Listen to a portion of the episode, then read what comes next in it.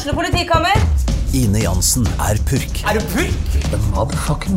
Alt jeg vil, er å finne ut hva som skjedde med mannen min. Jon Carew. Er jeg sikta for noe? Iben Akeli. Det er du. Ole So, Lars Berrum og Big Daddy Karsten. Hvem sin side er du på, egentlig? Anette Hoff, Tone Danielsen, Kommer du fra Afrika? Jørnis Josef, Nesten. Kløfta. Trond Espen Seim, Det er synd å si det, men det var feil mann som døde. Purk. Premiere tirsdag på TV2 Play.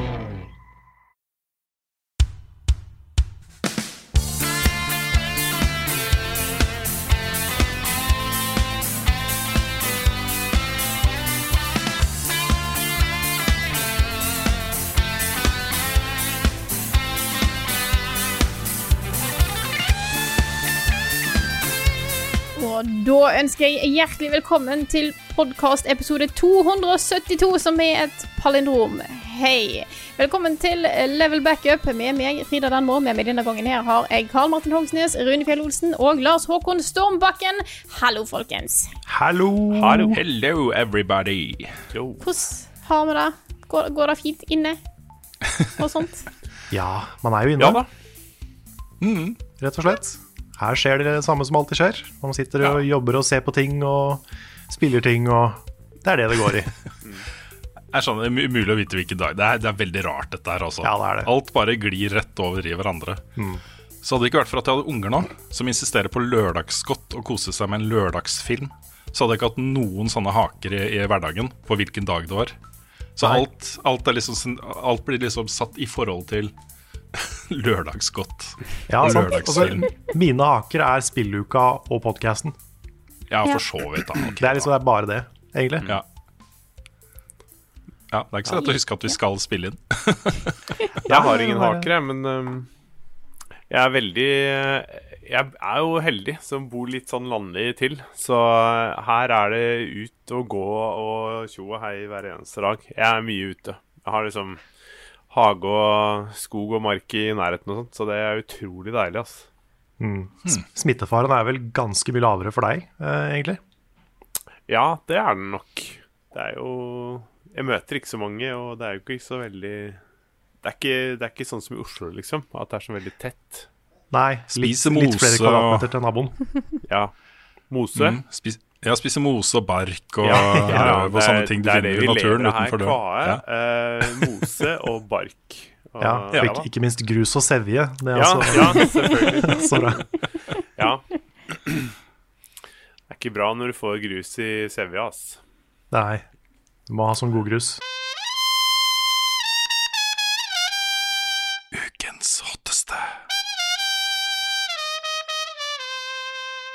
Nå har jo jeg og du, Carl, snakka litt om vår elsk til Animal Crossing i de siste Mhm. podkastene. Og resten av internett har jo blitt veldig glad i dette spillet. Og det har medført litt interessante implikasjoner. Ja. Jeg syns det, jeg syns det er så kult, også, fordi jeg husker når vi snakka om dette for noen uker siden. eh, Så kom, Du hadde jo snakka om det allerede et par uker, Frida. Og så kommer du, Carlin, som fersk Animal Crossing-spiller og begynner å snakke om den mørke siden av Animal Crossing. Jeg føler liksom at etter det, ikke fordi du sa det, men også etter det, så har de derre historiene om, om, om baksiden av, eller under, altså uh, skyggesiden av Animal Crossing blitt tydeligere og tydeligere for meg, da. Uh, som bare følger det fra utsiden. Jeg spiller det jo ikke selv. Nei. Nei, fordi det er jo sånne, som vi snakka om i podkasten, sånne hint om en sånn mørk kapitalistisk undertone eh, i eh, historien og i settingen i Animal Crossing, med Tom Nook som er sleip og sånn. Men nå har jo det faktisk blitt oppgradert til et ekte kapitalistisk mareritt. ja, det er helt sant. Ja. For du eh, havna jo over en artikkel, eh, Rune, som diskuterte Ja. dette her. Ja, altså, en, ting, ting er at folk eh, følger med på nepekursen, eh, The Stock Market, og driver og selger, eh, finner ut hvor kan jeg få best pris for nepene mine, og det er, masse, det er en kjempeting, da. Ja, ja skal, vi, skal vi forklare hva nepemarkedet er? Ja. Ja, det kan vi først gjøre. Hver Ja. søndag i byen din før klokka tolv på formiddagen så kommer det ei lita søt jente som selger nepe. Og de nepene er ikke for mat, de er for salg. Og for å tjene penger. Eh, det, er på, det er ikke sånn at dette har folk funnet ut at det er en pengemaskin. Dette er sånn det blir forklart i spillet. Og the stalk market, eh, denne børsen her, da blir liksom etablert. Mm. der du kjøper, kjøper det for rundt 100 bells på en søndag, så kom, endrer prisen seg i løpet av uka, og så må du ha solgt disse nepene før neste søndag, for da råtner de. Så prisen endrer seg jo innad i, altså på butikken du har på øya. Eh, det er én pris om morgenen, og så endrer den seg klokka tolv på dagen. Eh, men det er ikke alltid du får en veldig god pris. Men plutselig så er det noen andre som har en bedre pris. Og så begynte folk å dele priser. Eh, det da- dannes egne Discord-servere og Reddit eh, subreddits for at folk kunne si hva priser de hadde. Og så begynte folk å ta betalt. Fordi nå har det blitt en ting med at eh, du kan ikke Det har ikke liksom blitt like åpent lenger. Hvis du har en kjempegod pris, så kan du gå inn på en av disse gruppene her og fortelle at jeg har eh, I dag selger jeg nepe for 600 bells, eh, og jeg tar betalt for at du får komme inn, eh, enten i bells, penger, eller Nuke Mile tickets som du bruker for å komme deg på sånne random øyer der du kan møte andre eh, innbyggere du kan få til å flytte inn, og liksom spesielle eh, items og litt sånne ting. Eh, og de koster XP, hvis du kan kalle det det, i spillet. Så der er det litt begrenset hvor mange du kan få tak i, men dette har nå blitt en stor valuta, egentlig, for bytting eh, i spillet. Ja, jeg kjøpte jo nå um, et fullt inventory med turnips på søndag, eller med, med neper. Og uh, allerede på mandag hadde jeg faktisk vært innom Reddit og solgt alle sammen for, for fem ganger så høy pris. Ja. Så jeg ble jo da eh, Bell-millionær på, på mandag. Og det, det var en kul, eh, kul opplevelse, akkurat det. Eh, jeg klarte da å finne en, eh, en selger, for å kalle det det, som eh, ikke krevde noe for at man skulle komme inn og eh, selge neper. Du, skulle bare liksom, du, kan, du kan legge igjen en pengesekk hvis du vil, det er koselig. Så jeg gjorde det. Og sånn er jo egentlig bare hyggelig, fordi da har folk bestemmer seg for at ok, nå har jeg en bra pris, da kan jeg hjelpe andre spillere, og så kan de komme inn også. Eh, det er liksom en hyggelig ting. Sikkert litt sånn som Animal Crossing er ment å bli spilt. Mm. men jeg så jo, um, før jeg fant den ene, så var det jo hundrevis av andre øyer på den lista, eh, og de krevde jo helt ekstreme priser. De krevde jo ti Nook Mile tickets, som er eh, mer enn jeg noen gang har hatt samtidig. Eh, de krever eh, sjeldne items så du må spille i hundrevis av timer for å få. Eh, og den type ting, da. Så folk tar seg godt betalt for dette her. De, de, får, de, de ser liksom en mulighet her til å, til å tjene enten in game currency, og så nå plutselig, da, eh, har de også begynt å selge villagers. Og det Ja. er jo en helt ny dimensjon som var helt ny for meg. For tingen er at Ja, for- ja, Nei, fortsett, Rune. Ja, fordi også um, Det som jeg syns er litt interessant her, er at ok, vi snakker om et kosespill. Og det, alle som snakker om Animal Crossing, snakker om at dette er bare slapp av, liksom, og pusse på hjemmet sitt og utvikle øya si og bare rusle rundt og kanskje logge inn en gang om dagen og bare kose seg skikkelig, liksom. Men det har liksom utvikla seg til å bli en litt sånn der intens 'Jeg skal ha den beste øya! Jeg skal ha den beste øya med de beste villagerne og av det beste gear og alt', liksom. Det er blitt litt sånn der intenst, da. Det der forholdet folk har til disse øyene sine. Og Og- mm. Og det derre villager-markedet hvor Det har liksom åpna seg et sånn rankingsystem da, av hvilke villagere som er kulest å ha på øya si. Ja, det er noe av det rareste jeg har sett. Den beste, den beste er hvis en eller annen sånn katt, da. Eh, Ja. Og jeg var òg innom på den, den største Animal Crossing-discorden med flere hundre tusen medlemmer, og så litt hva ting går for. Eh, og det er blant annet en en ørn eh, som heter Apollo, som har vært med ganske, som har vært ganske kul da opp gjennom alle tider, men det er fortsatt ikke på en måte Det er ikke den katten, liksom. Men den går for 100 Nuke Mile tickets. Og da som er absurd her, er det at jeg tror i løpet av alle timene jeg har spilt Animal Crossing, som jeg tror er sånn 70-80 timer nå, så tror jeg jeg har fått tak i 30. Og jeg skjønner ikke hvor på en måte, For nå begynner det å bli et eller annet byttemarked der noen får tak i veldig mange. For jeg så eh, på den discorden at noen ting gikk for flere hundre Nuke Mile tickets. Og det er absurde mengder som de da enten må få tak i Du kan jeg tror nesten ikke at det er mulig å få tak i så mange bare ved vanlig gameplay, om ikke du spiller dritlenge. Um, Eller driver med kanskje litt time travel og litt greier. Ja, for du, du får jo sånne Du får jo sånne um, Nook Miles pluss uh, objectives som du kan gjøre igjen og igjen og igjen. Mm. Uh, så du må jo sitte og grinde de, eventuelt, for å få Ja. uh, Nook Mile tickets til vanlig. da Litt Ja. som sånne bounties i Destiny og MMO-er og, og sånn. At du liksom bare du får nye ting, og så skal du gjøre det for å få litt flere eh, points, da. Men når det er liksom introdusert da, som en currency i spillet, disse Nook Miles eh, tickets, så driver jo folk da og bytter bort uh, ting de har, mot Nook Miles tickets. Og på den måten liksom vokser, så, så får de flere, ikke sant? og så kan de kjøpe seg den ene tingen som er kjempedyr, som de har lyst, lyst på. Eh, jeg vet ikke, jeg husker ikke helt om vi nevnte det, men disse ticketene bruker man jo til å reise til sånne Mystery Islands, er ikke det riktig? Ja. Hvor man finner random villagers som man kan invitere med seg tilbake til øya si. Så jeg har jo Ja. sett at folk har snakket om hvordan de har fått tak i den ene sjeldne katten ved å bruke sånn 250 Nuke My Tickets for å endelig få den katten, sant. Eh, og på et tidspunkt så er det jo nå skjedd at dette her har blitt en slags currency eh, Fordi at altså, det er ikke en currency i spillet. Dette Nei. har blitt lagd som en egen currency av spillerne sjøl. Eh, for denne er kun en ting Du kjøper kun den Nukmal-ticketen for å komme til de andre øyene.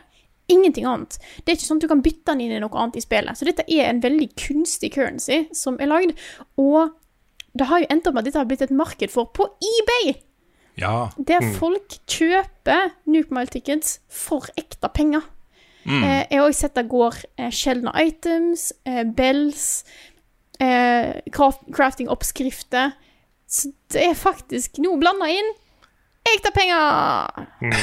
Yay! Og det, det er så Jeg syns den villager-delen spesielt er veldig sær og fascinerende, fordi måten det funker på til vanlig, er jo at villagers er tilfeldig. At du, du starter med to som ikke du kan velge, og så får du nye eh, som du kan invitere til øya di. Og da kan du egentlig ikke velge de heller. Du kan velge å si eh, kom, til, 'kom til øya mi' eller ikke, men det er helt tilfeldig hvem du møter. Og du kan ha maks ti eh, på en gang. ja. Så det skal jo ikke egentlig være mulig å velge hvem du vil ha på øya. Nei. Men det har da Ikke, folk ja. klart å jobbe seg rundt da, ved å på en måte åpne øya si idet en villager flytter ut, ikke sant, Frida? Ja, for jeg måtte undersøke dette. For jeg tenkte, hvordan i svarte selger du en villager? Ja, jeg Eh, skjønte ikke det heller. Så det du gjør, at du får en til å flytte ut Det har jeg også prøvd å finne ut, for jeg eh, tenkte å finne ut på en måte, hvordan funker faktisk dette her. Så du basically bare ikke snakker til en villager over lang tid. Eh, og da hender det at han vil flytte ut. Og av og til så bare plutselig bare sånn Lurer på om jeg skal flytte ut, jeg. Og så sier du ja, kjør på, flytt ut. Eh, og da har de en dagen etterpå, så driver de og pakker alle tingene sine i bokser. Eh, så de er klare til å flytte. Og da, hvis det kommer en annen på øya di, så kan den snakke med den personen som er klar til å flytte, og si 'Hei, vil ikke du flytte inn hos meg?' Eh, og så kan du på en måte ta, få villageren på den måten, og det er måten de selger de på, da. Eh, og dette hele konseptet er så utrolig rart. Men jeg, jeg leste nå etter at er det ikke sånn at du kan plage disse innbyggerne på øya di også med å slå de i hodet med en håv? Ja, det, går litt, eh, det er litt um, uenighet om dette her fungerer eller ei. Okay. ok. Fordi at du kan eh, For dette òg søkte jeg opp og prøvde å finne ut hvor lett er det å få en person ut av byen din, uh, type ting. Og du kan slå dem i hodet med en håv, og da blir de veldig sint, men det teller òg som oppmerksomhet. Så det var noen som var usikre på om dette faktisk talt positivt eller ei. Ja, Mm. jeg mener jeg har hørt at den uh, hovgreia er en myte akkurat nå. Okay. Eh, så det beste å gjøre for å bli kvitt noen, er å ikke prate med dem i det hele tatt. Ja, nettopp. Skjønner. Jeg kan eh, Jeg har eh, prøvd å slå en, character i hov med hov eh, en god del. Jeg har ikke hjulpet så langt. Nei, ok. Det er ikke han som flytta til meg. altså- Det er ikke han som flytta til meg. Nei, hun bare flytta, hun. Oh, ja. Rocket bare sånn der eh, Lurer på om jeg skal flytte. Jeg bare sånn OK, Mm. sure. Greit. En ting som jeg, som, som jeg tenker litt på om dagen, er Er dette noe som utviklerne har liksom sett for seg kan komme til å skje? Eller er dette noe som strider med hele eh, grunnen til at Animal Crossing eksisterer? Fordi spillerne har jo liksom tatt av kontroll over et spill som skal være avslappende og lungt og rolig og koselig, og det handler bare om din egen kreativitet, og du kan gjøre alt i ditt eget tempo, og så har det gjort om til en sånn derre verdibasert spillopplevelse, hvor ting, noe har mer verdi enn andre ting, og det er viktig å få tak i de tingene som har mest verdi, og sånt mer enn Sånn som ditt hjem, f.eks., Frida. Der er det sånn uh, kjemisett og liksom Det er Frida. Det, er fri, det, det hjemmet er Frida. Tusen takk, Carl, for at jeg fikk det av deg. Det var veldig Det var bare hyggelig. Det veldig pris. Men så her er det jo sånn, ikke sant, hvis du øh, øh, altså, Byttemarkedet er også sånn at du kan komme på en øy hvor noen har en sjelden gjenstand, og så kan de legge den på bakken, og så kan de plukke det opp og levere det tilbake, og da har du oppskriften, og så kan du dra til din øy og lage, kjøpe den tingen. Det, det er så mange sånne ting da som har vokst fram. Jeg så en Det er sikkert fake, men øh, for morsomt til å ikke nevne. En som uh, påsto da at hun hadde gitt en venn en blowjob for så og så mange uh, bells da, i spillet. Wow. Wow. Så det, det, ikke sant, det vokser fram en sånn greie rundt dette her som er veldig sånn der fascinerende, altså. Jeg ser det allerede har begynt å dukke opp marked for å kjøpe kunsten som ble introdusert i en update som kom i dag, torsdag 23. april. Ja. Så det er allerede ja, kommet et marked der. Mm. wow. Så Ja, det- ja. Altså, jeg tenker litt at dette er mitt første Animal Crossing, men uh, jeg tenker kanskje at det hele den, det nepesystemet, altså det aksjemarkedet, at det kanskje jobber litt imot resten av spillet. Fordi det er en stressende ting. Mm. Det er på en måte, For resten av spillet er relativt chill. Du har på en måte eh, litt sånn grinding og sånn hvis du vil, for å få mer penger og osv. Men eh, når så fort de nepene kommer inn, da, som du må selge før de råtner, og du, eh, du må liksom bli kvitt de, og du må få mye for de, hvis ikke da har du tapt masse penger, eh, det er kanskje en litt sånn Jeg føler det er litt i konflikt med resten av Animal Crossing. da. Jeg må jo si at det er så langt ikke har vært et veldig stort problem for meg, for de siste ukene så har jeg sovet lenge på eh, søndager og glemt det ut. Uh, Ja, så jeg har ikke kjøpt neppe. Det har egentlig vært helt greit, uh, og jeg har klart meg helt fint uten det. Uh, men jeg skjønner hva du litt hva du tenker her. Uh, Nepegreiene har liksom alltid vært en del av spillet, så lenge jeg kan huske. Altså, jeg er ikke så stressa på det. Jeg tar liksom ting litt for seg sjøl. Jeg syns det er gøyere å på en måte få tak i sjeldne insekt og fisk for å selge dem for penger. Um, Sjøl om jeg ser at du veldig lett kan få veldig mye penger for nepene. Um, når det kommer til resten av markedet, så tror jeg kanskje dette er en, en stor ting nå. Jeg tror det vil få et eget lite marked etter hvert, men ikke være så dominerende. Um, Nei. dette er en ting jeg bare svakt har hørt om, og da jeg hørte om at folk hadde begynt å liksom ta betalt for at folk skulle komme innom øyene sine og sånn, så ble jeg helt sjokkert. Eh, så dette er ikke noe jeg tror Hvis du først havner inni det, så tror jeg kanskje det blir litt verre. Du bare sånn, å ja, shit, jeg kan jo bytte til med den her, og jeg har jo lyst på den itemen her. Hmm. Og så blir det en, en, måte, en ting som ruller litt av gårde. Men jeg tror nå at det er altfor stort, ut ifra hva jeg ser på den discorden, eh, når du ser på, på en måte markedet for å selge eh, selge villagers, så dukker det opp nye villagers for salgs konstant. Og det er for mange. Markedet er fullstendig metta, vil jeg tro. Bortsett fra for de på en måte store viktige. Så jeg Ja. tror at det er veldig stort nå, og så vil det rett og slett bare dabbe av. Det Ja. er min, eh, min tanke om dette. Ja, jeg tipper eh, siden Altså, det er ca. en måned siden spillet kom ut. eh, og de fleste har jo spilt da en sånn rundt eh, 29-30 dager. Og begynner å liksom De begynner å få en idé om hvordan øya de skal være. De begynner å få litt ambisjoner, eh, trenger penger og sånn. Så tipper jeg at liksom akkurat nå så er det veldig svært. Både fordi liksom det, og fordi eh, korona. Folk sitter hjemme og bruker veldig, veldig mye tid eh, inne på Animal Crossing. Men etter hvert så vil jo folk bli mer fornøyd med øynene sine. Da vil de på en måte tenke at ok, nå ser det her ut sånn som jeg vil at det skal se ut. Og det er jo noen som aldri blir fornøyd, og de kommer til å kjøre på videre. Men jeg tror veldig mange kanskje kommer til å miste litt det behovet da, etter hvert. Det er um, Altså, jeg tror at for ettertiden, når vi ser tilbake på, på disse ukene og månedene her, så tror jeg mange kommer til å forbinde det med Animal Crossing. Altså, det kommer til å være connecta til uh, den situasjonen vi er i, da.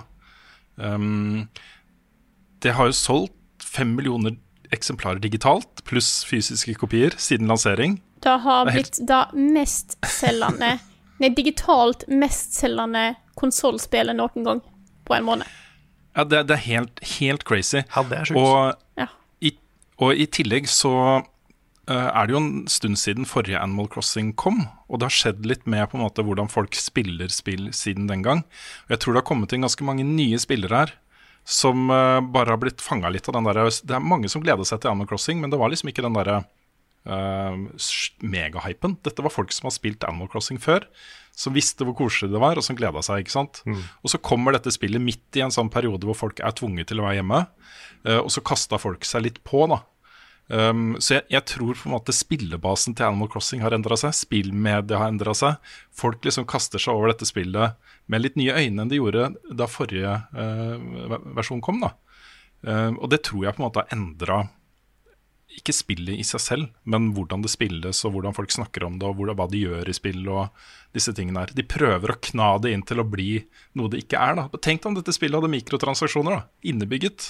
Kan jeg si hvor uh, redd eh, Animal Crossing Community var på da, uh, for det på forhånd etter Ja. Pocket Camp? Det var liksom bare sånn der, Med en gang jeg så det crafting-systemet, tenkte jeg hvis jeg putter inn i mikrotransaksjoner nå, så blir dette her en helt forferdelig opplevelse. Mm. Uh, men nå har jo spillerbasen sjøl klart å introdusere Ja, det er akkurat det. så det Ja. er jo bare helt herlig. Det er nesten imponerende. Ja. Vi, vi lever jo også i en, uh, i en post-Minecraft og post-Stardew Valley-verden, så det er jo sikkert via de spillene har de også uh, fått øynene opp for Animal Crossing. da. Mm. Men uh, jeg skulle si et eller annet, og så ble det borte. Så eh, det Sånn var sikkert, sikkert ikke så viktig. Nei, Vi kommer sikkert til å snakke mer om Animal Crossing framover. Det har blitt et sånn kulturelt viktig spill. da Og det jeg, jeg overrasker meg litt at jeg kan sitte her og si det. Jeg hadde ikke tenkt det på forhånd. Jeg hadde Nei. tenkt på det som et sånn kosespill som folk eh, bare slappa av med, og, og sånt Og plutselig så er det så mye mer enn det. Jo, Du, det jeg skulle si. du slapper liksom av med det intenst. Ja, nettopp. Ja, Ja. sant. Men det, det jeg skulle si, var at um, hvis du ser på MMO-er, så har jo de litt de samme markedene.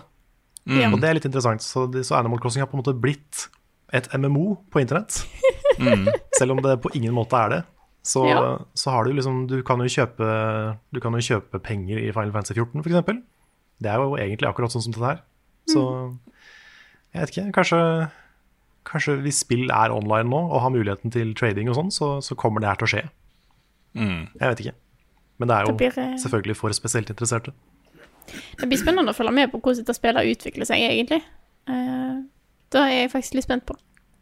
Plutselig så er det sånn derre Sånn uh, mareritt. ikke sant? Jeg ser for meg sånne øyer hvor ting brenner, og det er liksom folk ligger hengt, er hengt i trærne. og det er sånne uh, gribber som spiser på eh, Isabel. Og det er liksom jeg har sånn bilde i hodet. Jeg vil jo bare presisere dette her, eh, fordi at det hender vi får kommentarer på eh, mens man streamer og sånt, at man sånn, å, jeg har ingen å spille Animal Crossing med.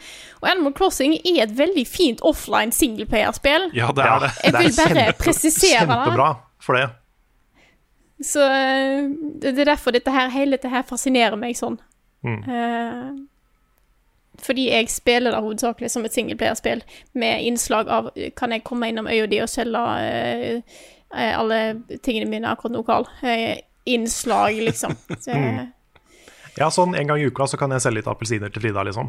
Ja. Mm. Men um, en siste ting jeg vil si, da, til alle de som uh, jakter på favorittvillagerne sine, det er at uh, hvis du må ty til menneskehandel for å få dem tilbake, maybe it's time to move on.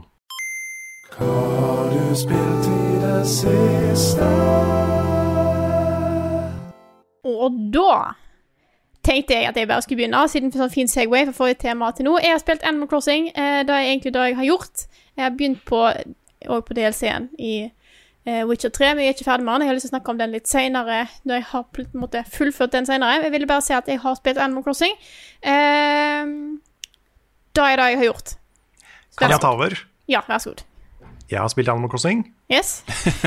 og eh, jeg skal ikke snakke masse mer om det, for nå har vi allerede prata mye om Animal Crossing, og i tillegg gjort de siste episodene. Men jeg har lyst til å si én ting som har liksom blitt mer og mer sånn åpenbart for meg de ukene her. Og det er um, kanskje min favoritting med Animal Crossing. Og det er at um, spesielt nå som ting er så rart. Og vi nevnte jo i stad at vi eh, har to faste ting i uka som vi eh, på en måte spiller inn på faste tidspunkt. da.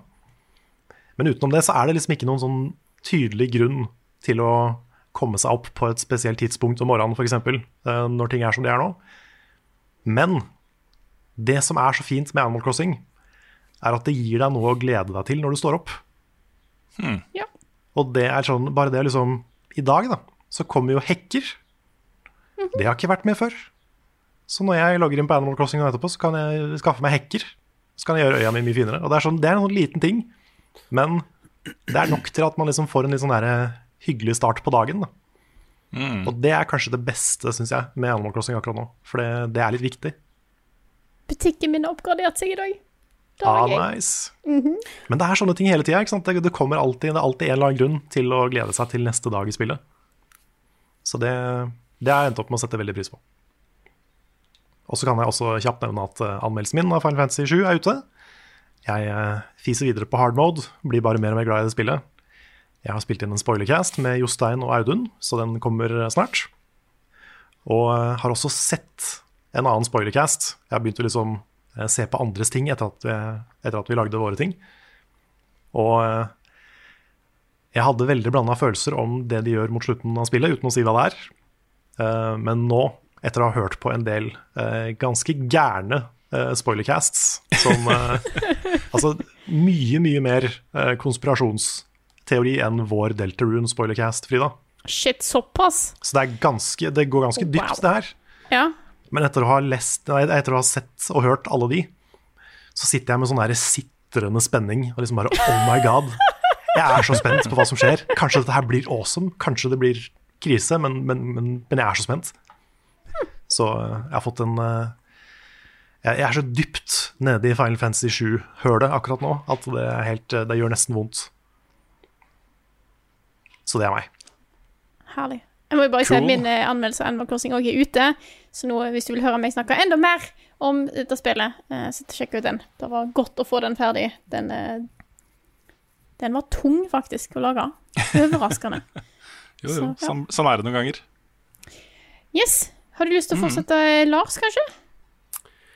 Ja, det kan jeg godt. Um, jeg har jo ikke spilt så veldig mye nytt fra sist gang jeg var med her nå, men um, det jeg har spilt mest av, og liksom satt meg dypere inn i, er Civilization 6. Mm. Um, litt mer sånn Ja, lært meg me enda mer om liksom systemet, hvordan du skal optimalisere for å få byen din til å blomstre og vokse og ja, få ting til å gå riktig vei, da. Og begynte å spille mot litt eh, høyere vanskelighetsgrad av AI og sånn. Som basically bare betyr at AI-en er ikke smartere, den bare får mer ting enn deg. Det er liksom Ja. Det er sånn det blir vanskeligere. Er det sant? Ja, Ha, det er det. det visste jeg ikke. Den AI-en er vel ikke Er vel ikke den skarpeste utvikla AI-en i noe spill? Nei, den har vært ganske rar alltid. ja. Med Gandhi som er uh, krigsforbryter og alt mulig. Ja da. Um, nei, så det er vel det jeg har uh, gått uh, mest inn på. Og det er sånn Jeg har til og med nå vurdert å kjøpe det spillet. Jeg har jo først kjøpt det til PC, og så har jeg endt opp med å kjøpe det til iPaden. Og nå vurderer jeg liksom å skaffe meg det til PlayStation også. Det blir kanskje litt overkill. Men Men funker funker det liksom- noe bra å spille det på PlayStation? Eller på konsollen? Aner ikke.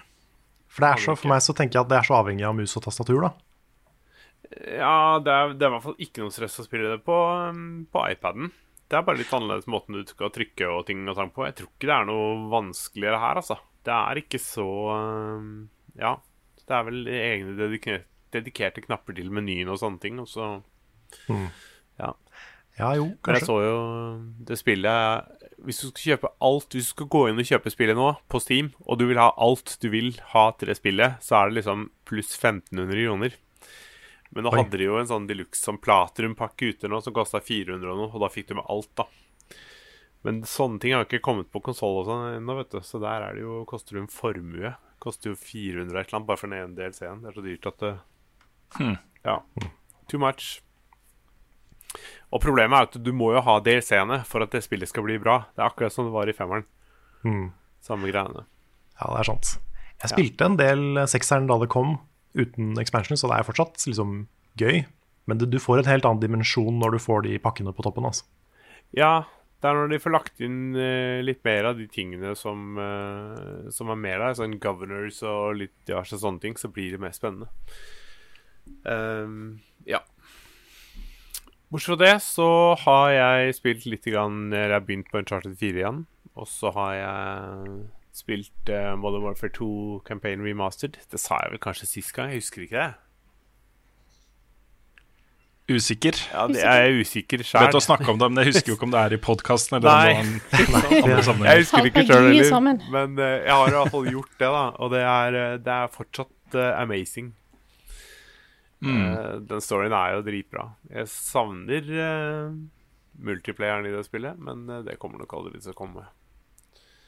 Nei, det er nok ganske hardt fokus på uh, war, Hva heter det? Warface? Nei, War Warface. Warzone? Warfare. Warzone. Warzone. ja. Ja, Warzone, ja. Warzone. ja. Eh, Modern Warfare heter det nye COD-spillet. Og så selvfølgelig legger de mye fokus på Warzone, men de tar også en del COD 4-maps og sånne ting. Og sikkert kanskje noen MV2-maps etter hvert også, og putter inn i det nye spillet. Ja. Um, det er nok det som blir fokuset deres. Men, Men jeg, jeg har hørt en ting der. At uh, det nye Modern Warfare som kom uh, sist, det er på en måte en reboot av historien. Som uh, har nye characters, eller altså de samme karakterene, men de er annerledes, da. Mens den remasteren her, av Modern Warfare 2, den bruker det gamle. Er det sant? Ja, altså, det kommer en remaster av Modern Warfare-spillet, som er COD 4. Um, Og det var jo det er den opprinnelige historien og hele spillet og multiplayer og alt. Og så Modern Warfare 2 nå er jo oppfølgeren til den campaignen som, kom, som var remastered. Eh, Modern Warfare, ja, som er det nyeste spillet, så har de tatt han Captain Price Og så har de på en måte putta han inn De har gjort han yngre og putta han inn i nåtiden, så han får jo en sånn De har ikke reboota storyen, men de har på en måte i hvert fall reboota han som karakter. Ja, ok. um, og på en måte tatt han Forrige spillet var vel Jeg husker ikke årstallet de spiller, det er, om det er 90-tallet eller hva det er for noe. Men, um, men de har i hvert fall løfta han uh, til nåtiden og gjort han yngre. Så de har på en måte Ja. Det er jo det de har gjort. Så, og det er for så vidt kult, det. For det var um, Han er en kul uh, karakter. Så Captain Price for Smash. ja. Um, nei da, så jeg vet ikke hva som skjer med det der nå, men de, de legger jo til ting, og så er de jo litt sånn som Activision og disse her gjør. Altså, de gjør så mye rart. Det, for eksempel, de legger til gode playlist, og så plutselig bare neste uke så er det sånn Nei, vi tok det vekk igjen.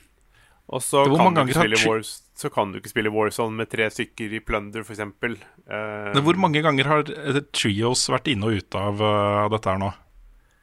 For den er ja. liksom, De introduserte det, og så tok de det bort. Og så Ja. introduserte de igjen, og så tok de det bort. Og er det tilbake igjen nå, eller hva, hva Nei, altså nå er det jo Hvis du spiller Warzone, som er liksom den der Battery All, så er det fire, tre, to og Eller er det to? Nei, jeg tror kanskje ikke det er to, men det er i hvert fall fire, tre og solo. Jeg er litt usikker på om det var med to. Og så er det Plunder, som er det der som jeg syns er veldig gøy, da. Nå kan det kun være to på det. Ja. Ja. Tidligere så kunne det i hvert fall være tre. Um, Men jeg visste ikke at de hadde introdusert eh, fire teams. Det er kult. Jo, de starta med det nå når uh, Var det når sesong tre kom, tru? For noen Ok. år siden. Kult. Jeg har ikke fulgt med. Sesong tre var litt skuff, men ehm, ja. Jeg var ikke like imponert. Men da må vi ha en ny stream med fire. Hmm? Da må vi ha en ny stream med fire players. Ja, det hadde vært gøy. Um, men det er liksom det at de tar ting ut, og så putter de det inn igjen, og så tar de det vekk igjen, og så Jeg veit ikke hva de prøver å gjøre. Og så prøver de å tvinge oss over på dette her eh, åh, Hva heter det? Crossplay-greiene. Å spille mot PC-folk, det nytter jo ikke. Og det er så mange PC-folk som hacker i tillegg, så du kan jo Og som cheater. Men nå har jeg skjønt at de skal um, putte cheaterne inn i samme lobby, da. Så de kan få lov å spille Ja. mot hverandre. Dette her er jo rett over i nyhetsspalten, egentlig, så vi kan jo ta den biten nå, siden vi snakker om det. Ja. For det ble jo da introdusert uh, litt nye sånne anti-cheat-greier i uh, COD nå. Um, og det, det du snakka om der, at uh, nå kan de da De har innført det sånn at uh, mistenkte cheatere blir nå matchmaka mot hverandre i samme lobby. Altså mistenkte cheatere. Det, det er jo på en måte uh, ganske stor sannsynlighet for at de faktisk har cheata, da. Men noen av disse folka her er jo bare dritgode. Så tenk deg de stakkars folka, da. Som å si- sitte i lobbyer og spille mot folk som jukser. Ja, det er selvfølgelig pain. Um, og sånne systemer kan jo aldri være 100 korrekte heller. Men um, Nei. jeg har jo sett på noen videoer med hvordan liksom folk spiller, og hva, de, hva som skjer. Og du det- er jo Når du får headshot hele tiden og har dead on aim og ikke noe recoil på våpenet, og det er liksom insane avstander man, man dreper på, så er det Da blir det litt sånn Du skjønner at noe er gærent. Ja, Nå har jo også eh, utviklerne har innført litt eh, sånn backend-justeringer på detecting av cheats og sånne ting. Um, men den største og viktigste endringen de har gjort nå, er vel eh, sannsynligvis da muligheten til å eh, rapportere folk som juk jukser via killcam, eller når du spekker andre spillere. For det er jo på en måte den letteste måten å faktisk Ja. se da om folk jukser. Det er jo når du spekker de.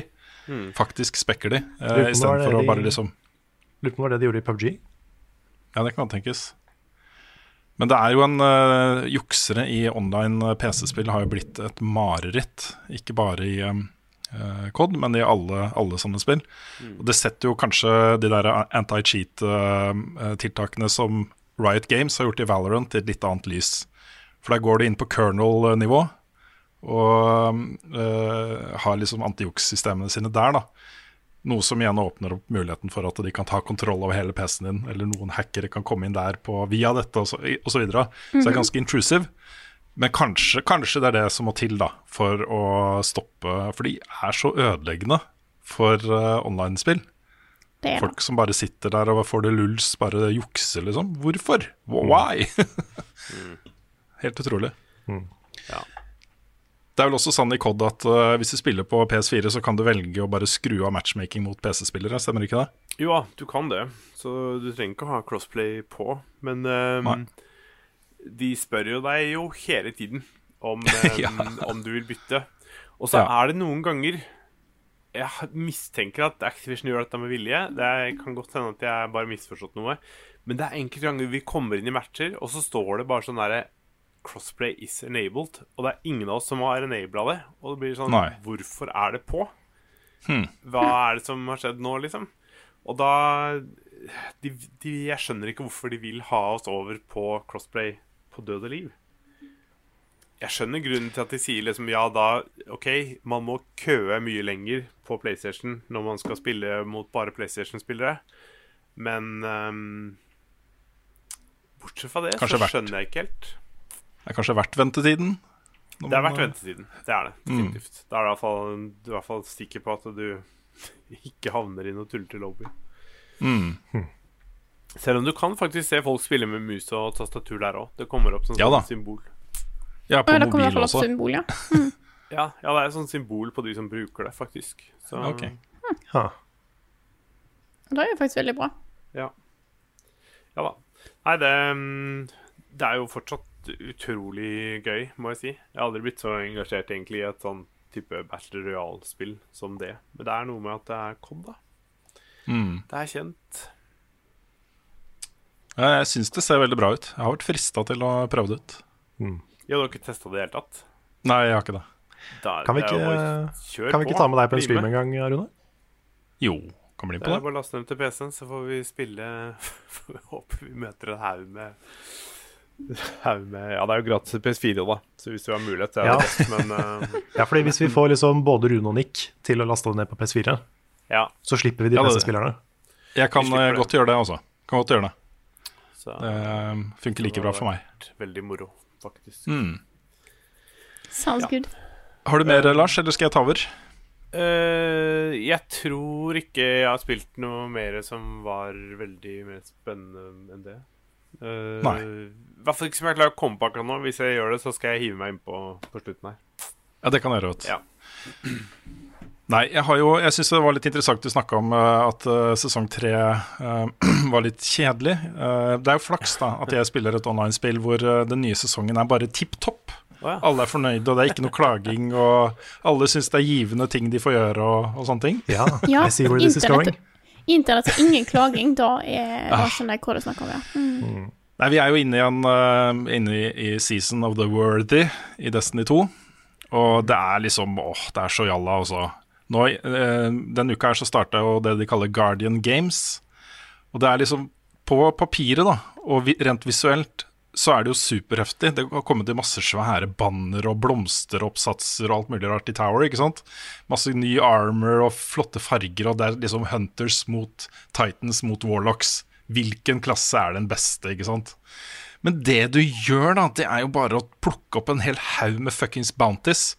Og må gjøre de. Du må bare gjøre det. Og det er bare å gjøre strikes og spille Crucible og spille Gambit og alle de tingene du har gjort nå i årevis, ikke sant? En sånn helt meningsløs grind også. Så jeg spørs, det spørs. Det spørs om jeg kommer til å fullføre den.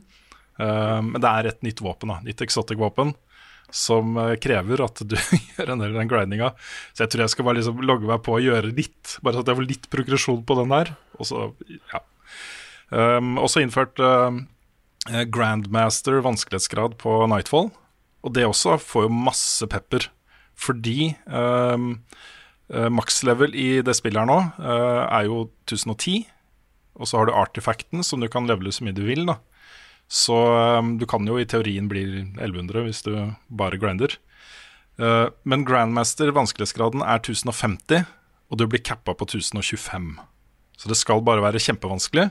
De sier eller antyder at de har lagd en mode som er morsom å streame. At de har lagd en mode som er liksom gøy for streamerne å vise fram på Twitch. da Men rewardsa er bare helt meningsløse. Du må bare fullføre de for å få en title. Det er liksom sju, eh, sju Nightfalls da i Grandmaster vanskelighetsgrad du skal fullføre. Um, ja Jeg vet ikke. Så ja. Men jeg har jo heldigvis spilt andre ting da, som er mer morsomt. Uh, det ene er jo da Valorant, som vi snakka mye om forrige uke. Men nå har jeg da faktisk fått key. Både uh, Nick og jeg fikk key i helgen. Så på mandag så satte vi oss ned og hadde en skikkelig eh, lang, kul session med da Nick og meg og Bjørn og Philip fra Lolbua. Og Thomas, sønnen til Jon Cato, som skjerpa.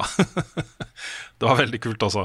Jeg har spilt med han før i Destiny, raida med han og sånt. Og han er jo sånn whisked. Og så det er ikke, det er ikke vanskelig å se at han er uh, the, the son of JC. Han- Hvor han har fått ting fra, liksom. Han uh, er dritflink, da. Sånn som uh, mange av de unge kidsa er, liksom. De bare Ja, spiller jeg, mye. jeg måtte tenke meg litt om at, at du mente Jon Cato og ikke Jesus Christ. Ja. Du tenkte heller ikke på. JC som i rapperen. Du gikk rett på ja. Ja, ja. Men uh, Valorant var jo kjempegøy. Jeg spilte det jo som Counter-Strike. Det er masse abilities der og sånne ting. Jeg fikk aldri helt taket på det. Um, men uh, mitt inntrykk da er at de abilityene du har i det spillet, er såpass begrensa at det stort sett vil være uh, shootouts som avgjør matcher. Og da, det, det tror jeg er fornuftig, da. Jeg tror hvis de hadde lagt seg på liksom merbruk av disse powersene til de forskjellige klassene, så ville det fort blitt litt sånn kaotisk, og så ville det ligge litt for nærme Overwatch, og så ville Overwatch vært mye bedre, og så ville det liksom ha falt litt mellom to stoler, da. Um, så per i dag så ser det ut som bare et litt, litt sånn mer actionfylt alternativ til CS, er kanskje det mest riktige å si. Det ligner mer på CS enn på Overwatch. Uh, og jeg syns det, det var gøy.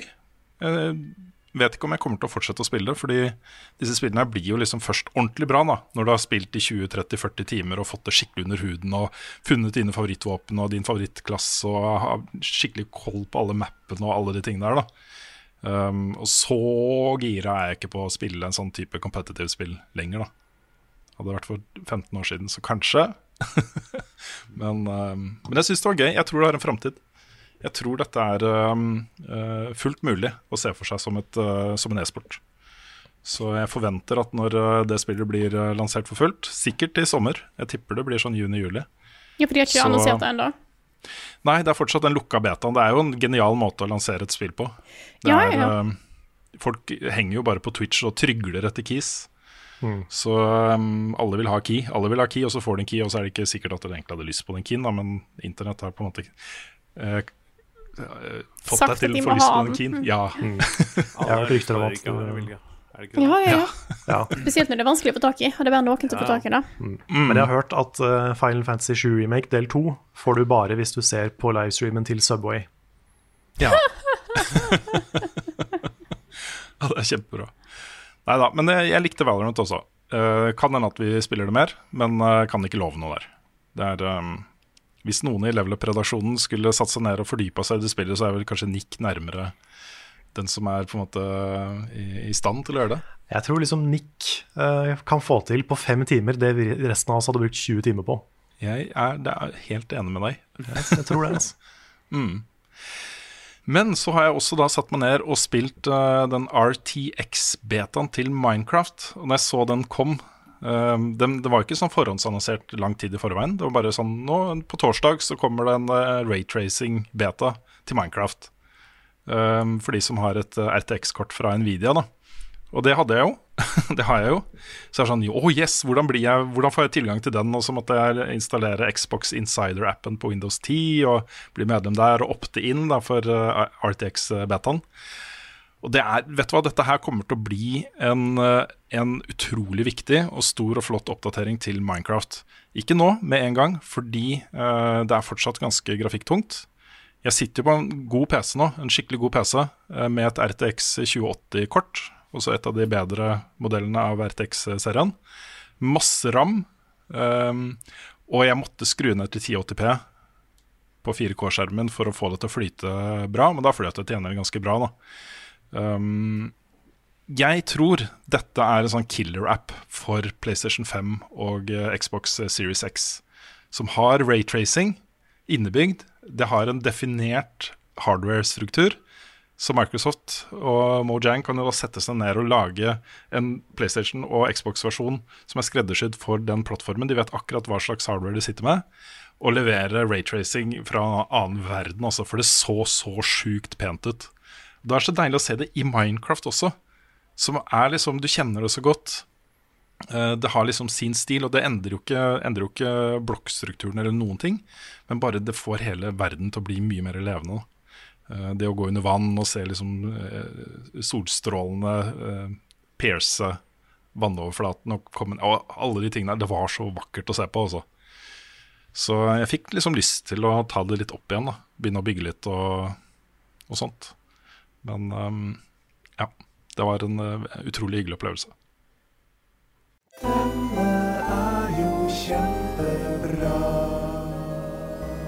Ukens anbefaling. Før jeg eh, gir ordet til Rune og anbefaling, så vil jeg bare si at nå har det endelig kommet vår til Trondheim.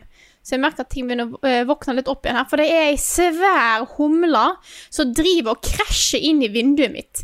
Sånn igjen og igjen. Og han var her, dunka borti, og du, du hører liksom ding. Så han liksom bare driver og krasjer i vinduet, forsvinner litt, kommer tilbake igjen. Det er skikkelig eh, em, forstyrrende, eh, distraherende. Men jeg skal prøve å kunne følge med på den anbefalingen du har, eh, Rune. Vær så god.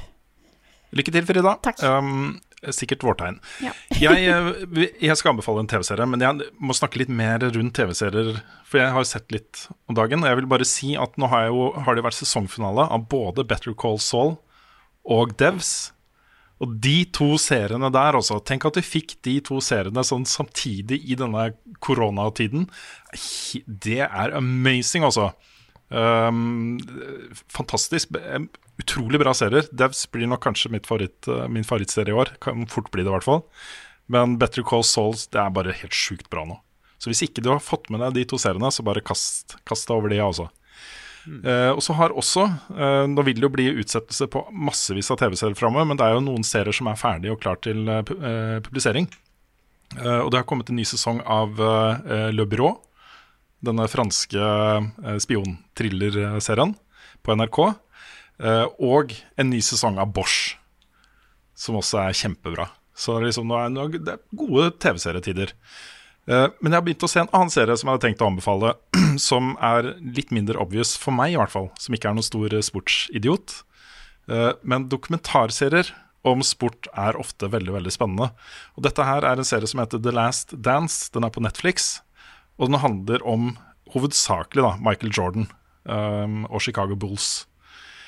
Det har et veldig interessant utgangspunkt, fordi um, du følger liksom ikke også du har I tilbakeblikk så får du se hvor karrieren til Michael Jordan og mange av de andre, Scottie Pippen og disse her, starta. da. Uh, og det er kjempespennende og kjempegøy. Uh, men det tar utgangspunkt i det som skjer etter at Michael Jordan har vært superstjerne i mange mange år da, i Chicago Bulls. De har eh, fra liksom den spede starten, hvor eh, Bulls var et sånt lag som aldri vant noen ting, så fikk de Michael Jordan, og så begynte de å vinne, og så beefa de opp laget og sånne ting. Og så tok de da eh, fem seriemesterskap på rad. Vi kommer inn da i denne serien her på forsøket deres om å ta det sjette. Og det er en sånn eh, Hvis du tar tre sånne championships på rad, så har det en sånn egen ting da i USA, hvor du har fått den derre trio-tingen, og de vil ta to da på rad. Det er ingen som har gjort det i noen sport noensinne every, noe sted, ikke sant? Så det er en sånn veldig stor ting. Um, samtidig, da, så er liksom Michael Jordan begynner å dra litt på åra. Scotty Pippen, uh, kontrakten hans løper ut, uh, og så. Og det, det begynner å bli snakk om å erstatte laget, da.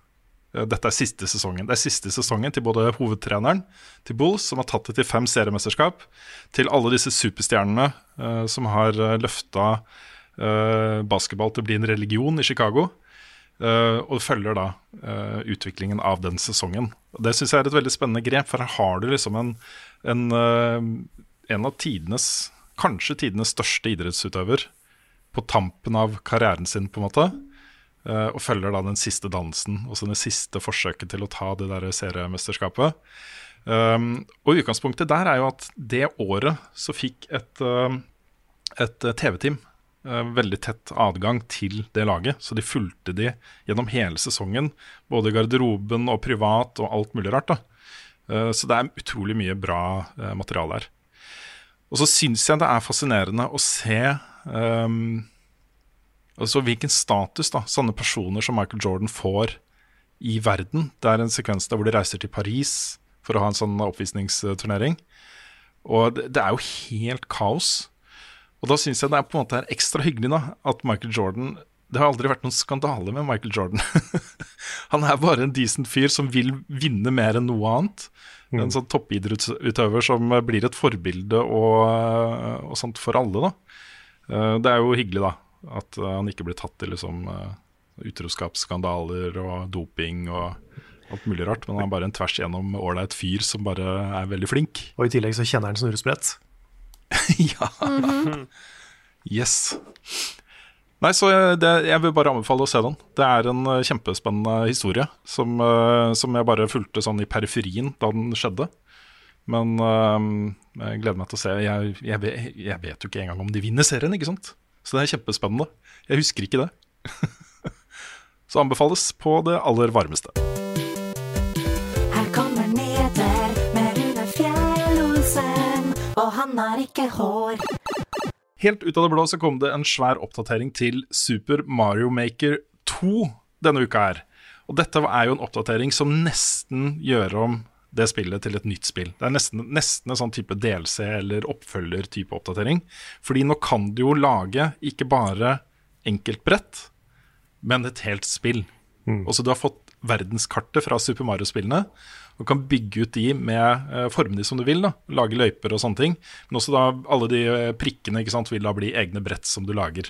Så du kan lage et helt spill basert på Super Mario Maker. Massevis av andre nyheter også. Um, du har fått inn uh, masse nye bosser. Hva er det de Cooplinks, eller hva det heter? Coopalings, ja. Coopalings. Uh, masse abilities fra forskjellige Mario-spill, inkludert froskedrakt og alt mulig rart. Um, det, det er blitt mye, altså. Veldig mye. Jeg vet ikke om noen av oss har fått testa oppdateringen ennå, bortsett fra sønnen min, som har uh, sittet og kost seg. Ja, nei, jeg har ikke testa noe nå, men jeg ble utrolig glad for å se at dette her kom. Fordi eh, det å liksom Bare det å kunne lage et helt spill istedenfor å måtte laste opp enkeltlevels, det gir deg liksom en sånn helt annen mulighet for theming, da. Du kan på en måte gå inn for å lage Ok, nå skal vi lage kule levels i en gressbane, og så verden to er liksom snøverdenen, ikke sant. Du kan gjøre sånne ting. Og da blir det så mye mer. Helt sant. Og og jeg har på en måte lagt litt eh, level design i Mario Maker bak meg akkurat nå, fordi det kommer så mange andre spill og sånn. Men hadde det her vært med fra starten, så kan det fort hende jeg hadde brukt 100 pluss timer på å lage et Mario-spill. Altså. Ja. Det, er så, det, er så ku, det er en så kul feature, Mm. så jeg digger det. Sønnen min lagde da en, eh, en bane som han eh, skreddersydde for, eh, for kona. Ja. Altså for sin mor, da. Med sånne rør som ikke gikk noe sted. Det kom bare tilbake til start og sånne ting. Det var ordentlig morsomt å se, men det var så godt planlagt. Og han koste seg veldig da med updaten. updaten. Så eh, ja, det er noe der som jeg tror eh, er verdt å ta en kikk på. Det er gratis, da. Hvis du eier spillet, så er det gratis. Der er sånn good guys Nintendo på akkurat den også. Og så, da. eh, Dette kan jeg si nå, fordi eh, nå kommer alle bak meg i køen. Det er nå åpnet for forhåndskjøp av PlayStation 5 og Xbox eh, Series X. Og grunnen til at Vi pleier ikke å omtale det som forhåndskjøpting, for det er litt sånn hype-greier. Hvis, hvis folk er så interesserte at de har lyst til å forhåndskjøpe, så får de lov til å gjøre det. liksom, Ikke om vi skal komme og reklamere for det. Men det er litt spesielt nå fordi både Microsoft og Sony antyder at, øh, at tilgangen til disse konsollene vil bli begrensa. Jeg tror de satser hardt på å nå lansering til høsten. Eh, Men for å få til det så kan det hende at de må begrense hvor mange konsoller de lager. Fordi masse fabrikker og sånt er stengt, og distribusjon er vanskelig, og alt er liksom komponentene dyre. Alt dette her, da. Så, så jeg tror de blir både dyre, og at det kommer få konsoller. Derfor kan det være lurt å forhåndskjøpe. Og grunnen til at vi gjør det, da, det er jo rett og slett fordi vi får sikkert en X av hver til redaksjonen vår. Men vi er jo mer enn én person, så det er en investering som vi bør gjøre. da Få inn et par konsoller ekstra, sånn at vi har muligheten til å være flere som tester. Og når du sier én X av hver, så mener du ikke Xbox Series X, du mener et eksemplar av Xbox Series X og PlayStation 5. Vil bare liksom i tilfelle Ja, da det er fint du pres presiserer. Har dere sett den nye den logoen eller, til eh, Series X? Nei, Jeg vet ikke helt Ja. hvor mye de har betalt for den, for den var litt rar. Den må jeg google. Nei, jeg Det er var, usikker på om jeg har var sett. det den X-en hvor Series sto på sånn på langs på sida? Eller, Ja, stemmer. Eller på høykant, eller hva man skal si. Ja, Ja. Det er bare Series X. Xbox er ikke i logoen. Ikke? Nei, det, liksom. det, det så ut som det kunne vært hva som helst. Jeg, Ja. det var Mm. ikke Så noe mye personlig preg over det. Eller personlig. Altså, da mener jeg sånn produkt... Personlig. Nei. Det er liksom Det ser ut som litt hva det kunne Ja. Det, Ja, der, ja. Ha, Det er- helst kunne mekka på i, på gutterommet. det, ser Ja. ut som, eh, det ser ut som logoen til uh, en skjerm, syns jeg. Ja. Eller en, eh, kanskje en dansegruppe. ja, Ja, ja hiphop-dansegruppe. Det har Ja. du. Mm, Amatør hiphop-dansegruppe. Der har du den. Det går jo nå masse rykter uh, basert på at etere er kansellert, uh, om når kommer folk til å announce ting. Uh, og det Jeg tror de neste par-tre månedene kommer til å ganske kommer til å skje ganske mye, da. Mye announcements. Eh, ting eh, utgiverne hadde planlagt å vise fram og snakke om på E3, som de kanskje velger å ta litt tidligere, eh, eller litt senere. Eller samtidig med E3. Og så- jeg tror det, det kan skje ganske mye. Og det er da særlig mange som snakker nå om at, at det vil komme da et digitalt event fra både Sony og Microsoft om konsollene deres nå i løpet av de neste ukene. Og så Innen midten av mai cirka, så vil begge to ha blitt vist fram, da, er ryktet. Hype. Mm, så vi får se om det stemmer. Eh, Jeg kjøpte, forhåndskjøpte da mine konsoller, eller våre redaksjonskonsoller, på komplett. Jeg tror eh, de andre eh, elektronikkbutikkene også følger opp hvert øyeblikk. Så check it, check it out. Hvis du er eh, jeg, jeg tror hvis du ikke har fått forhåndskjøp på komplett nå, så bør du kanskje vente til Elkjøp eller Power eller noen av de andre åpner opp for forhåndskjøp, for ikke komme da bak alle sånne som oss. Ja, er det bare har komplett som har begynt?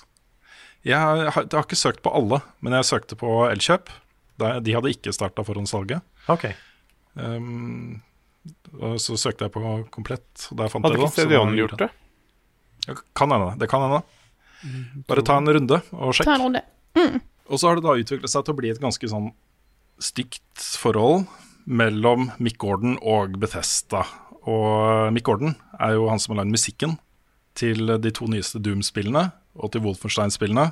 Og han, er, han blir jo genierklært. Folk elsker jo musikken hans. Eh, og mange regner også soundtracket han har lagd til eh, Doom Eternal som kanskje det beste han har gjort. Eh, og det er Når man spiller det spillet og den musikken kommer, man fylles jo med den der essensen av Doom. Det er jo det det er. Og ikke et vondt ord om eh, Trent Reznor og det han gjorde for gamle Quake-spill og sånne ting. Men dette er på en måte ordent, ordentlig metal. da Det er ordentlig metal. Um, konflikten da mellom Bethesda og Bick Gordon går på miksen av det offisielle soundtracket som er lagt ut nå på iTunes og, og Spotify og sånne ting. Hvor, uh, hvor lydbildet plutselig er mye flatere enn uh, en det originalt var i spillene.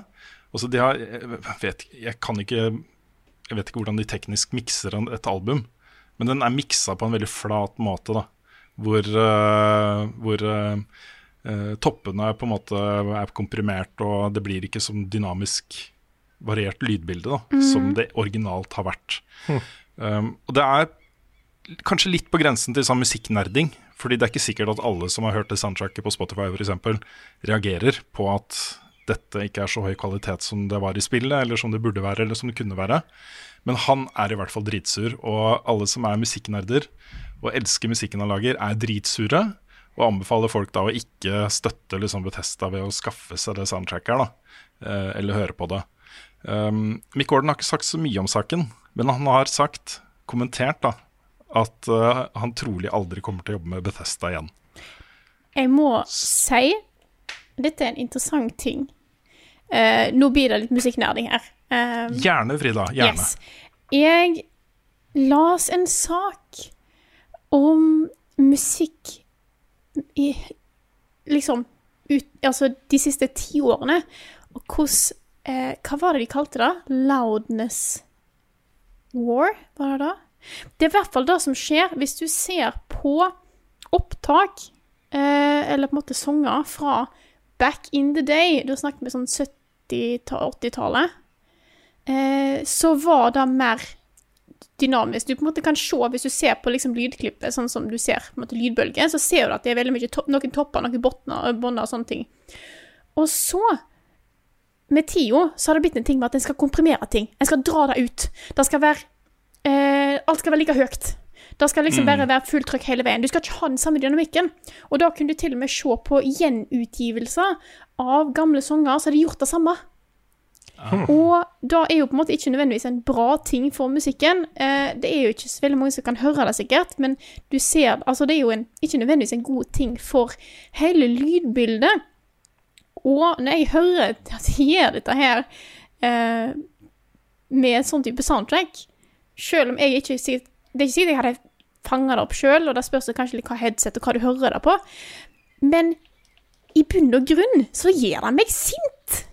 Mm. Fordi at jeg skjønner godt hvorfor han, komponisten her er forbanna. Fordi at de har tatt noe som han har funnet ut Dette er sånn jeg vil ha det, med disse eh, enten, altså Her skal du få en ganske sterk trøkk pga. at plutselig er noe som er sterkere enn andre sånne ting. Og så driver de bare og jevner det ut. Da er ikke greit, faktisk.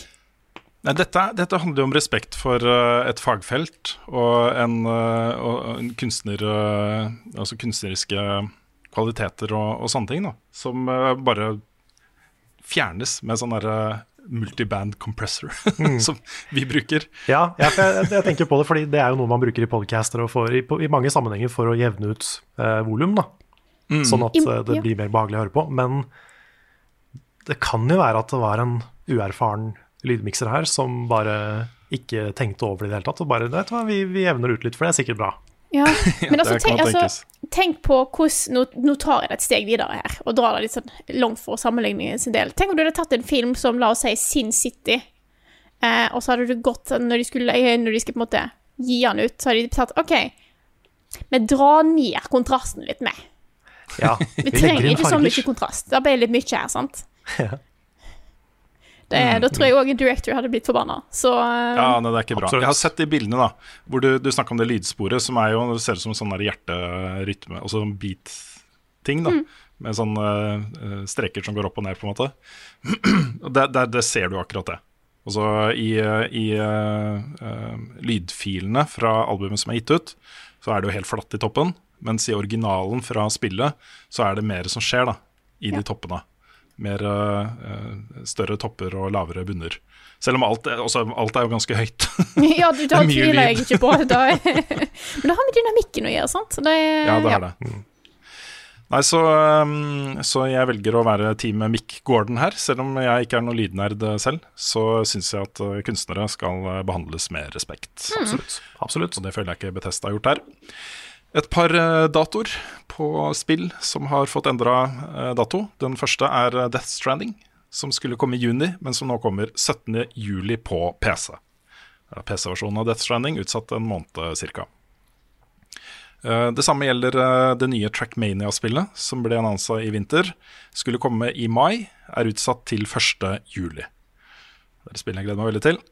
Og så ble da plutselig uh, Telling Lies annonsa for PlayStation 4, Xbox One og Switch allerede neste uke, 28. april.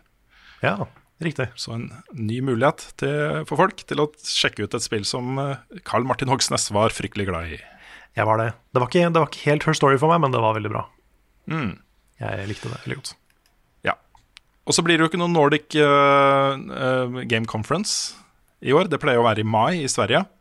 Eh, men Nordic Game Awards blir fortsatt delt ut eh, digitalt, eller virtuelt, eller hva man skal kalle det. De står ikke på scenen og tar imot priser osv. Men nominasjonene er nå klare, og vi snakka litt om det i spilluka også. Men uh, tenkte å bare gjenta det litt her, for det er eh, Jeg syns det har blitt en ganske morsom og god pris, da. Eh, og der er jo da Mosaikk nominert til to priser. Både Game of the Year, årets beste nordiske spill, og årets beste nordiske spill for liten skjerm. Eh, men de er jo da også da nominert sammen med Control, Eh, Sayonara Wild Hearts, Ja. Baba Is You. Det er så Kvalitet, mye liksom. kule nordiske spill! Det er Ja, det er det. Jeg hadde faktisk ikke fått med meg at Baba Is You var nordisk. Nei, det er finsk. Finsk. Mm. Mm. Ellers er også eh, Draugen nominert i kategorien for Best Art. Um, Degrees of Separation nominert i kategorien for beste uh, spilldesign. Og Moons of Madness nominert i kategorien for beste lyd. Så det er jo de fire kanskje mest interessante spillene, norske spillene som kom ut i fjor, er nominert til priser her. Og jeg, jeg syns Dette er liksom en kåring som vi bør backe litt opp, da. Det er eh, eh, tett mellom de forskjellige landene i Norden. Vi kan lære av hverandre og trekke erfaringer fra hverandre og sånne ting. Mm. Og det å på en måte samle, samle det i en sånn prisutdeling som dette her, syns jeg er veldig bra, da. Så gratulerer til alle de norske nominerte der. Uh, Det hadde vært morsomt å se noen av de hente hjem en pris, altså. Eh, hva kommer egentlig nå? Jeg har ikke peiling. Hva kommer nå? Jeg kjenner jeg blir ikke nødvendigvis stressa, men litt mer sånn eh, eh, eh, Redd for mitt eget kunnskapsnivå når det er Rune som eh, prøver, skal ha lagd nye quiz til oss. Ja. Sist gang så gikk det jo så ekstremt ræva for meg. Det var veldig gøy. Det var veldig, det var en veldig fin quiz, og jeg likte den veldig godt, men det er bare mer sånn for min egen eh, konkurranseinstinkt. Venn, du har lagd quiz. Jeg er spent. Ja, jeg har lagd eh, quiz. Jeg kan ta litt reglene først.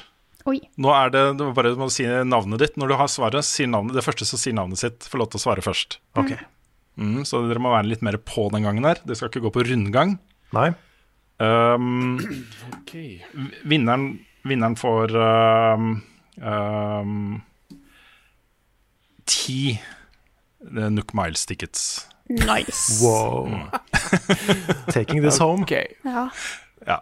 Eh, dette er en eh, quiz som er eh, satt sammen litt uh, kjapt, men det er, kan bli en føljetong. Det, det er et konsept som vi kan ha igjen. Okay. Som, uh, eh, kanskje vi kan vurdere å få lagd en uh, vignett til etter hvert og sånt også. Herlig. Eh, det er en quote-quiz. Oh, da har vi prøvd oss på før. Og da var Yes. jeg skikkelig ræva på det òg. Jeg er klar. Jeg har funnet fram en del mer eller mindre kjente quotes fra spill.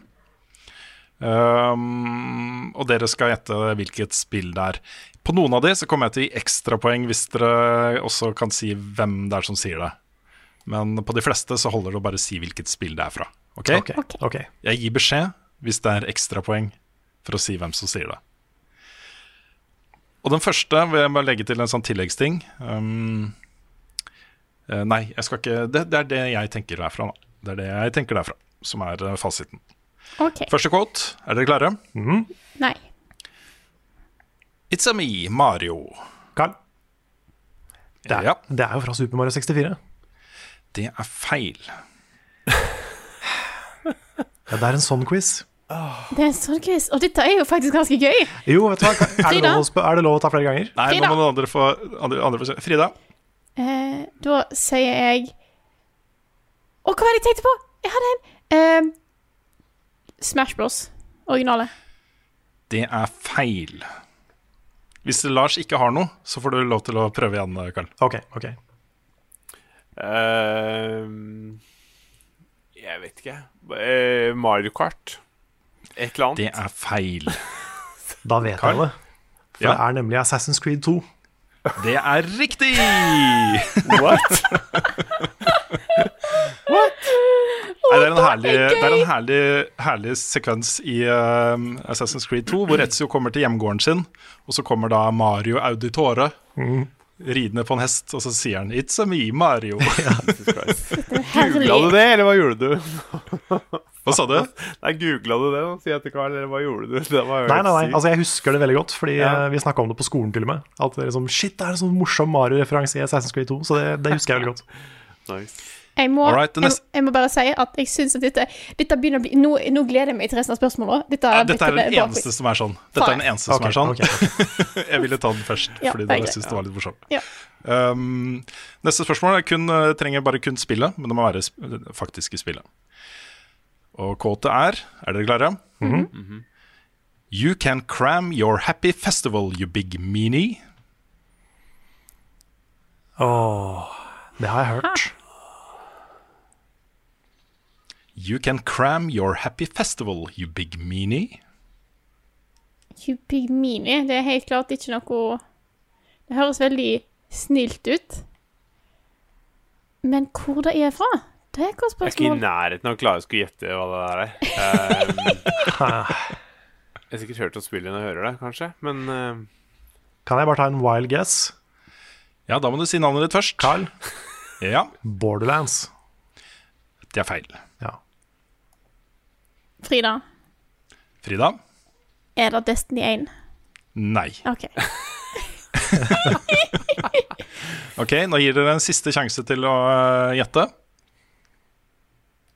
Nei, da får dere ingen poeng for den. Nei. Det er Juna i Final Fantasy 10. Ja Jeg visste jeg hadde hørt den den. i Final jeg Fantasy 10. jeg, husker ikke, jeg husker ikke sammenhengen, men jeg husker at Ja. Mm. Det er jo noen linjer med dialog da i de spillene. Det er noen. ja. Neste quote. Oh, I get it. He's an NPC. Å, herregud vent litt. den, Mm -hmm. Og hva spill- Hva spill er det som er så meta, da? Mhm. Dette er en følelse at jeg har spilt for ikke så lenge siden nå. Uh, hvor søren har jeg dette her fra? Må nesten be om et uh, forsøk på gjetting, eller uh, om dere vet svaret. Jeg prøver å finne ut hva svarte spill som er, som er meta, som dette her kan være fra. Hmm. Det er ikke Stanley Jeg Parable, men det er det første jeg tenker på. det, Mm, mm. ja, det er ikke det, men det, det er ikke nødvendigvis meta. Okay. Men det kan være på en måte den måten rollefiguren snakker på. Eller øh, disse rollefigurene snakker på. Uh, Carl? Carl. Gex. Hm? Er det navnet på spillet eller Ja. på karakteren? Uh, Gex, ja. Nei. Nei. For jeg har ikke eh, notert meg hva navnet på karakteren var. Nei, ok. ok. Ok, men da sier jeg det. Ja, Ja. Dette syns jeg er kjempegøy, da, for det er Persona 5. Persona 5. Å oh, ja, fordi det er i palass eh, Ja, riktig. ja. Det spillet også har jo relativt mye dialog. Relativt. Ja. Neste quote. Neste quote. I may be small, but I will die a colossus. Å, Carl. Carl? Det er Dark Souls 2. Nei, Dark Souls 3, mener jeg. Dark Souls 3. Og du, eh, ja, jeg, hadde, jeg sa ikke fra på forhånd, men du kan uh, uh, Du får ikke noe ekstra poeng. Ikke Men du, kan, du, kan brife, du, kan brife, du kan brife med hvem det er som sier det. Ja, for det er Ludlith. Ja, det stemmer. Ja. Et poeng til Carl. All right. Her er det også bare ett poeng. Et lengre quote. Uh, og hvis dere har den mens jeg sier kvote, så er det bare å rope navnet sitt. Mhm. The healthy human mind doesn't wake up in the morning thinking this is its last day on earth. But I think that's a luxury, not a curse. To know you're close to the end is a kind of freedom. Good time to take inventory. Good lord. Jeg tar en wild guess. Carl? Ja. Max Payne? Nei. Nei.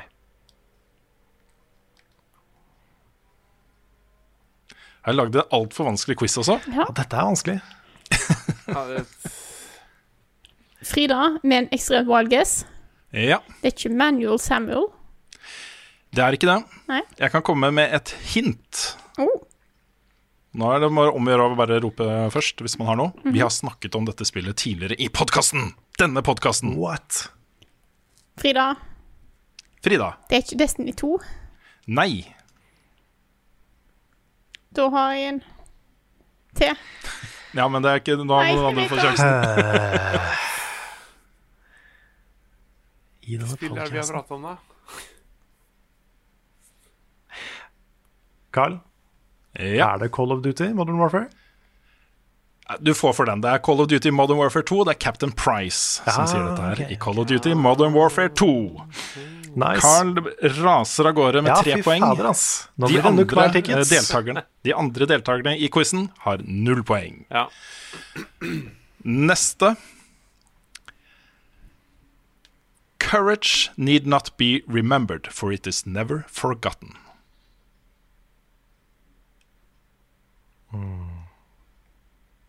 Det verste er at Jeg har liksom ikke valgt vanskelige spill heller. Dette er spill jeg vet opptil flere har spilt. liksom Ja, tingen er at du har, valgt, du har valgt spill med sånne megamanus. Å ja, kanskje det. Frida? Zelda Ocarina of Time.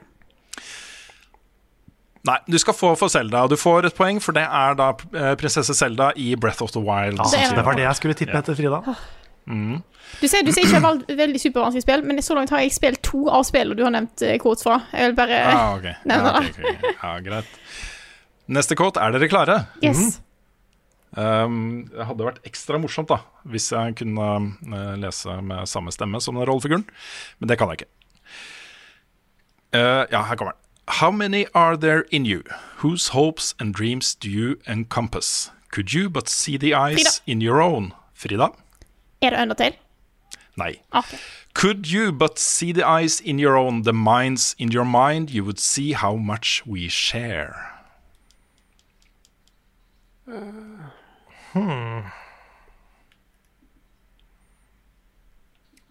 Dette er vanskelig. Ja, er det det? Ja, Det er ikke så vanskelig når du sitter med fasiten. Nei, Jeg skulle trodd Nei, det du var utrolig det, er det. det mm. Jeg syns det er kjempelett, det. Ja, ok, men da sier jeg, sier jeg svaret, og så går vi videre. Mm.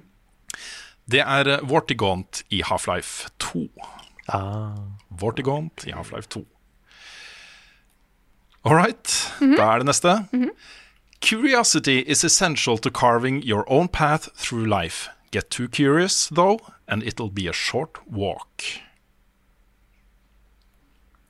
Det er mye poetiske quotes fra spill, da. Ja, jeg tenkte at vi trengte litt sånne inspirational quotes ja, ja, til en eh, litt sånn hmm, tøff hverdag. jeg, Det er litt stopp her. Jeg kommer Ja, ikke. Nei, ok, Da går vi videre. Det er Luxord i Kingdom Hearts 358 slash Two Days. Ja, det er jo et mm. spill jeg ikke har spilt på ganske mange år.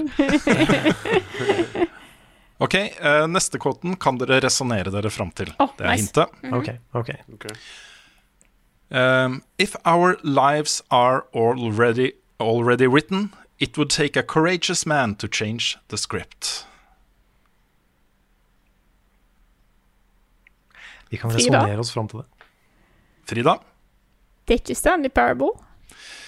Nei, Nei. men uh, godt resonnert. Det var faktisk det eneste jeg hadde tenkt å foreslå. For det var mm, Courageous man to change the script, ja. Mm. If our lives are already written, it would take a courageous man to change the script. Oi. Det er mulig Nå kommer jeg med et hint. Ja. Følg med. Det er mulig eh, Det går rykter om at vi kanskje vil se et nytt spill i denne serien om ikke så lenge. Frida. Frida. Er det Paper Mario Thousand Year Door? Nei. Nei. Carl, Carl? er det Horizon? Nei. Da sier jeg det. Det er Alan Wake. Ja, det har jeg ikke spilt. Alan Wake. Det? Ok, neste quote. Det, eh, det står med store bokstaver, men jeg bare nevner det. Nothing is more badass than treating a woman with respect. Å, for en quote! Det hadde vært veldig hyggelig hvis det var du, Knukem, men jeg tror ikke det er det. Det er ikke du, Nuke- Nukem. Å gud, det er Nei, jeg husker ikke navnene på de spillene. Nei, Jeg er ganske sikker på at opptil flere av dere har spilt det. Kanskje ikke deg, Frida. Nei, da Mm. kan jeg Det kom et uh, nytt spill i den serien i fjor. I fjor.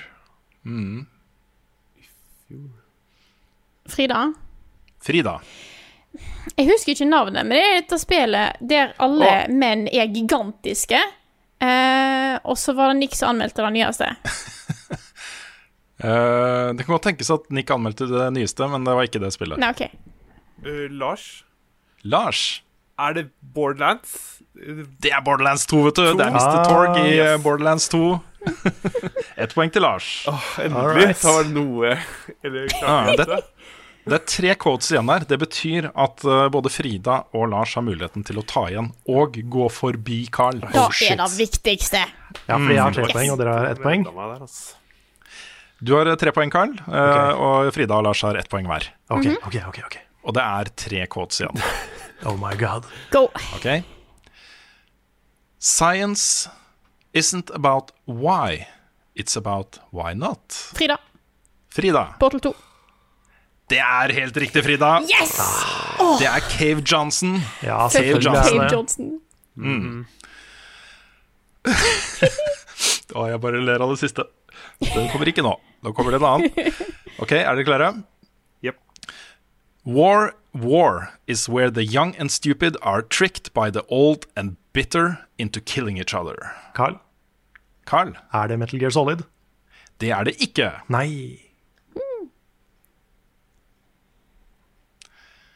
Det her er en eh, eh, det, Han eh, som sier det, er ikke en solat, men det kan hende at han har erfaring fra krig.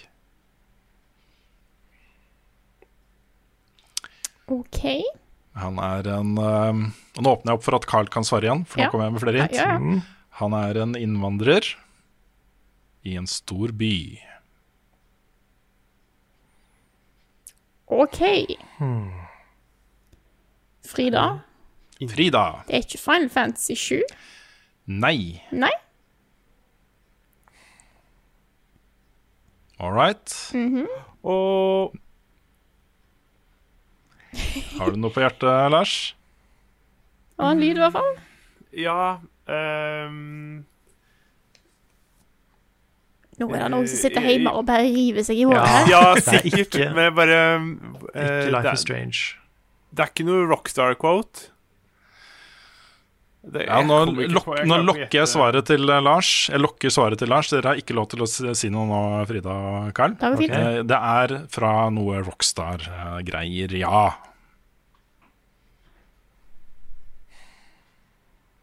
Så eh, da skal Lars det komme med bare, siste. det er ikke bare GTA Nei, vent, da. Ja, det er ikke bare GTA. Et eller annet. Fem, kanskje? ja. Innvandrer som kommer til en stor by. Å, herregud! å? Eh, Å, hva het han? Å, han Ja, du trenger bare å si spillet. Eller hva det er for noe? Du trenger bare å si spillet. Ja, er ikke det for spillet før, da? GTA 4? Det er riktig, Lars. Hva het han, da? Nico Bellic. Yes! Nico Bellic. Ok, siste quote. Lars og Frida har begge muligheten til å ta igjen eh, Carl. At det blir uavgjort. Um, eller så har da Carl muligheten til å bare banke seieren i mål. Enten ved at ingen får riktig, eller ved at du svarer riktig, Carl. Okay, okay. Er dere klare? Ja. Ja. Dette quotet er også skrevet med store bokstaver. Og Quotet er som følger I will kill your dicks.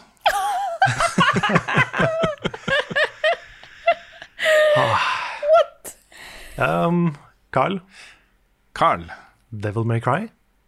Nei, men du er uh, på en måte inne på noe. Okay. Jeg kan komme med et Ja. hint, og da er fortsatt Carl med i bildet, siden jeg kom okay. med hint. ok. Eh, det er et skytespill. Ja, for jeg skulle til å si, Lars eh, Det er ikke de derre Dette her til Xbox, eh, som det er sånn sju spill da, eller noe sånt. Hva, hva fader heter det? War Nei. Nei.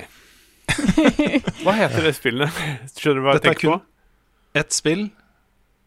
Hmm? Og Du tenker på Ja, Gears men- of War? Ja, Gears of War var det jeg tenkte på. Ja, ja. Det er ja det, det, dette ble ett spill. Det, hadde, det var kjent for å ha litt sånn edgy eh, macho humor. Skytespill. Mm, ganske brutalt. Oh, det er ikke eh, Lars. Det er ikke de spillene Lars. dere har eh, spilt, som Carl ble likte så godt. Å, herregud, husker ikke dere? Mot de derre Mot de nazistene og sånn. Nei, det er ikke det heller. Nei. Hvor gammelt er spillet? Ja, det er noen år gammelt. Ja.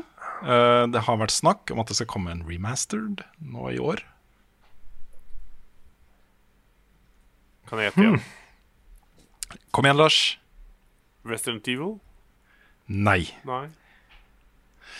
Nei, men Da må jeg nesten erklære Carl for uh, vinner Ja. Yes. av uh, quote-quizen.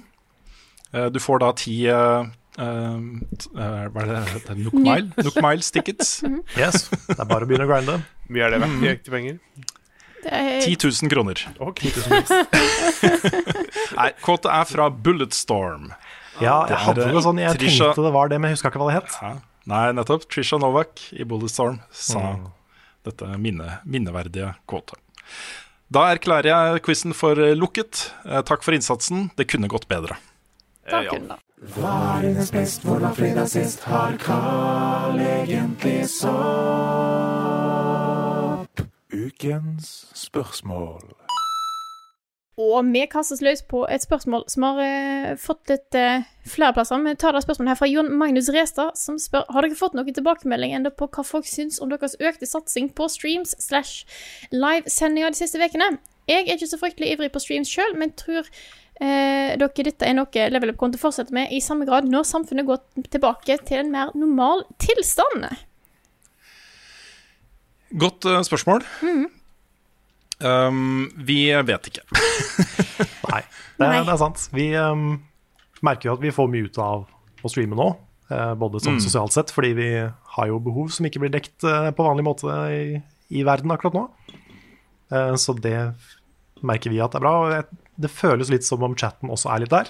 At de setter pris på at det er en arena hvor de kan sitte og prate og følge med på og stille spørsmål og sånne ting. Mm. Um, men um, jeg merker, jeg tenker jo mye på det at det er veldig mange som ikke liker streams, eh, og veldig mange som uh, fortsatt um, foretrekker det vanlige innholdet vårt. Da. Ja. Uh, så vi, vi har ikke slutta med det. Selv om vi gjør Spilluka live, så kommer fortsatt Spilluka ut. Um, Mm. Podcasten er vanlig, og anmeldelser kommer. Så det er også litt viktig for oss å ikke liksom bare streame. For da hadde vi mista en del viktig. Ja, eh, uten tvil. Og Nå har det også stoppa litt opp med Det er jo utgivelser som skulle komme rundt nå, som har blitt flytta. Um, eh, vi prøver å anmelde alle de største tingene som kommer, osv. Men det er litt sånn unntakstilstand akkurat nå. Og akkurat nå, sånn som ting er, da, hvor samfunnet er stengt og folk er hjemme, så føler vi ganske sterkt at det er et ansvar vi har, da, med de mulighetene vi har til å tilby en sosial arena for folk, eller, og underholdning. Som, eh, så mye som mulig, egentlig. Eh, sånn at folk har noe å finne på.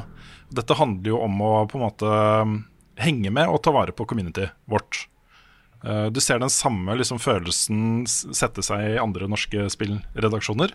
Lolbua streamer masse, Nerdelandslaget streamer masse. Dette, dette er på en måte tilsvarende det at artister har eh, digitale eh, livekonserter over nett. Eller at det er drive- eh, drive-in-kinovisninger eh, på Telenor Arena. Sanne ting, da. Drive-through er- kino. Du går inn og så ja, du får sett den scenen, Også. Ja, den scenen også må du Jeg visste ikke at de hadde drive-in-kino. Nei, det, det har de. Um, og det er det å på en måte gi folk noe sosialt, altså følelsen av at de er connecta til andre mennesker og sånt. Vi oppdaga så fort, personlig også, at det var en viktig ting vi mista, da. Når vi ikke kunne gå ut og henge med folk lenger Ikke kunne gå på kino, ikke kunne gå på konsert, ikke gå og ta noen eh, eh, cola eller whatever med vennene sine. Når, når det forsvant, da, så ble det veldig sånn der introvert, og man satt hjemme og stura med sine egne tanker og, og så videre. Um, så den følelsen av å liksom sitte i chatten med folk, uh, dele en opplevelse, om det er Nick som streamer uh, Journey for første gang, eller uh, om det er eh, Frida som spiller Animal Crossing og får besøk av Carl, eller om det er jeg som spiller Assassin's Creed Odyssey. Også, det er opplevelser som vi kan dele, og det er eh, det, det skal litt til også for at vi bare slutter å gjøre det nå. Mm. Men når, folk, når samfunnet begynner å komme i gang igjen, så kommer vi nok til å sette oss ned og liksom Ok, hvordan skal vi prioritere ting nå? Fordi en veldig flott ting som har skjedd da, i dette her, er jo, eller for oss, for businessen Level Up Norge, Buffkitten AS, er jo at vi har blitt partnere på Twitch. Eh, Det medfører en del fordeler, eh, både økonomisk og sosialt og community-messig og innholdsmessig, som åpner opp en del muligheter for oss. Eh, Vi har alltid hatt lyst til å streame mer enn vi har gjort. Nå er vi liksom tryggere på det, flere av oss kan streame. Vi har kommet litt inn i en sånn greie hvor det å skru på en stream ikke er noe stort tiltak. Vi kan bare finne ut at å, klokka to har jeg lyst til å streame et eller annet, og så sende, sende ut en melding om det, og så er streamen på et par timer, og så skriver den av, og så er streamen over. Um, og det er en veldig fin sånn tilleggsgreie vi har fått, da. Så jeg tror nok at når dette her, når ting blir litt mer tilbake til normalen igjen, så kommer vi nok til å ha mer streams enn vi hadde før covid. Ja. Uh, 19. Det tror jeg. Men det blir ikke fall, så eh, mye som nå, nødvendigvis. Nei. Nei, nei, for da begynner du å kutte inn på tid til andre ting. Ja. Um, men uh, vi kommer i hvert fall ikke til å gå tilbake til sånn det var før, med at vi hadde en fast streamedag i uka som vi streama to timer. Det er vi helt ferdig med. Ja, det var vi ferdig med før uh, koronaviruset ankom også, liksom. Ja, Så det var et bevisst valg vi tok. Ja. Så jeg vil egentlig oppfordre folk da, til å ta en tur innom Twitch-kanalen vår. Um, følge litt med på, på Patreon-siden vår og på Facebook, hvor vi stort sett annonserer at vi skal streame ting. Uh, jeg- tror mange vil kunne oppleve at det er en veldig hyggelig, hyggelig og fin ting. Mm. Um, Også- hvor man Nei, sorry. Ja, nei, jeg var egentlig ferdig. Ja, nei, jeg skulle bare si at uh, det er jo også mange som ikke er så fan av å se streams etterpå, siden du mister den der direkte greia. Mm. Men, men de indie-streamene til Nick, hvor han Ja. hopper blindt inn i nye spill, de er bra, ass. Ja, de er helt Så fantastiske. de er varm anbefaling. Se på Nick sine, sine indie-streams. Mm. Kan også anbefale da på søndag, som kommer klokka 12.00 på formiddagen, så skal Nick sette seg ned og spille Ori and the Blind Forest fra start til slutt. Som er et helt sånn tull Det er sånn for meg da Shit, da er en event. Ja, Da er det er et stort. ganske langt spill. Ja. Mm, så det kommer til å bli en lang stream. Det det er antyda mellom seks og tolv timer. Ja. Så um, ja. Det blir gøy. Så, så det blir kjempebra. Så før vi tar neste spørsmål, så har jeg fått på øra at Lars må gå og skifte filter på bilen sin. Ja, sorry. Um, jeg fikk nettopp en melding når vi begynte å prate her på nysegmentet, om at eh, hvis jeg skal få gjort det, så må jeg De slutter eller går klokka tre. Så da fikk Ja. jeg beskjed om at jeg må komme snart, og det Ja. Så da, må jeg nesten gjøre det. bare takk for, sier vi bare takk for følget, Lars, og husk å sende meg opptaket. Ja, ja, da gjør jeg det når jeg kommer tilbake igjen. Så Ja, det, det går helt fint. yes. Men takk for meg. Lykke til Ja, videre. takk for at du kunne være med, Lars. Jo, bare hyggelig. Vi snakkes senere. Ha det bra. Ha det. Ha det Hei, bra. hei. Men vi fortsetter med spørsmål. Eh, så Rune, hadde du noe mer på laget? Jeg hørte snakk om at du hadde funnet noe knask. Ja, kan ta et, et litt sånn um, um, kort uh, spørsmål først. Det, det, jeg hadde satt der et spørsmål som jeg egentlig med fordi Lars var her. um, Ja. fra, jeg kan ta det først, da. Så kan vi prøve å svare på det. Gard Kvale spør hva tenker dere om fysisk aktivitet ved siden av spillingen. Burde det ikke vært enda mer fokus på det hos alle, ikke bare e-sportutøvere? Ja. Det var jo sånn veldig Lars-spørsmål. Ja. Nei, det burde jo Ja, vært det. Ja. ja. Jeg merker jo med meg selv at jeg burde være mer fysisk aktiv. I hvert fall nå. Er, eh, Ja, i hvert fall nå. Så ja. Da eh, får jeg spørre neste gang, eh, Lars. Jeg kan kanskje. komme med et tips. Eh, for jeg vet mm. mange treningssenter sånn som nå begynner å streame eh, ting. Og jeg har sett at blant annet Jeg fikk jeg hører fra noen at 3T sender treningsøkter gratis på Facebook flere ganger til dagen. eh, Jaha. på 3T-treningssenter. Eh, og da er mye av tingene der er sånn Noe av det krever utstyr, f.eks. spinningtimene. Da må du ha en sykkel. Eh, Ja. Men det er andre ting som der du kun trenger ting som Hvis du ikke har i vekt, ta en sekk full av bøker. Litt sånne ting. Så ta og sjekk ut eh, litt Det fins masse treningsvideoer på YouTube, eh, men òg altså, Her er det jo ting som livestreames. Da syns jeg det er veldig greit å bare si ja, det starter nå, da må jeg liksom være med. Mm. Eh, Mm. Da blir det liksom pushe litt til da. For jeg har jo begynt med yoga, Ja. som en har via jobben. Som livestreames en gang i uka, så det er spennende. Nice. Og så finnes det jo uh, sånne 15 minute workout-apper som er bedre enn ingenting. Eh, Mm. og så, uh, hvis du får tak i det, Ringfit Adventure er jo også Ja. et eh, ypperlig treningsspill for gamere. Kan også anbefale noe som er litt sånn lavere terskel og litt lettere å sette seg inn i. Just Dance 2020. Mm. Ja. kan du danse litt, og jeg er jo ikke noe flink til å danse, men det, ja, det er jo litt gøy. Yes, eh, Et spørsmål her fra Lars Joakim. Eh, Hva tenker dere om muligheten til å ha en option i spill for å ta av eller bytte farge på blod? For det er jo, det eksisterer jo i noen spill. Mm. Det er jo i praksis, da, så vil jo noen spill da på en måte endre aldersgrense. Da blir det vanskelig å sette aldersgrense på spill, ass. Ja, det blir vanskelig, men rødt blod er jo en sånn indikator på at det skal i hvert fall få 16-årsgrense, kanskje 18. Mm. Men hvis det ikke har farge, eller hvis ikke det kommer blod i det hele tatt, du kan skru det av, så kanskje det er 12-årsgrense. Sånn, Mm. eh, hvis, det hadde, hvis det var sånn spillet hadde vært, da. Ja, sant. Men det er jo det er noen spill um, som har mye blod, og noen, for noen så er kanskje det sånn unødvendig mye blod. Mm. Jeg tenker på f.eks. Besiege, som er et spill om Ja. å bygge, bygge liksom, eh, kjøretøy for å utslette ting. Ja. Og de liksom sprenger jo i som blodpøler. Og noen syns det er gøy, andre syns det er litt mindre gøy, kanskje. Ja. Og det, er liksom, det har ingenting med spill å gjøre, men det kan skuse av hvis du ikke er Ja. så fan av det. Og det syns jeg er greit. Det er bare Jeg syns sånn også det er preference. Ja. Mm. Jeg tenker jo at hvis spillet er laget for voksne mennesker, og det er eh, at, eh, at på en måte volden som skjer i spillet, er ment er der av, av en grunn, da. Det er en betydning, liksom. At uh, den historien fortelles, og at de konsekvensene av de voldelige handlingene har blod, da, eller sånne ting. Så er det kanskje mindre lett å bare skru det av. Mm. Men i spill hvor, uh, hvor det er andre elementer som går på konkurranse eller uh, eh, sånne ting, da. Kanskje ikke så viktig. Det er, det er sant. Mm. Det er jo en, Jeg syns det er en fin mulighet da, som uh, pappa, liksom. At, uh, at noen av disse spillene så vil ha muligheten til å justere Gore-nivået Ja. for kidsa. Ja, fordi Destiny ja, har vel ikke blod, har det det? Nei, Nei. Og du mister jo ingenting på å ikke ha det heller. men det gjør ikke det. Så nei, Det er ikke. helt sant.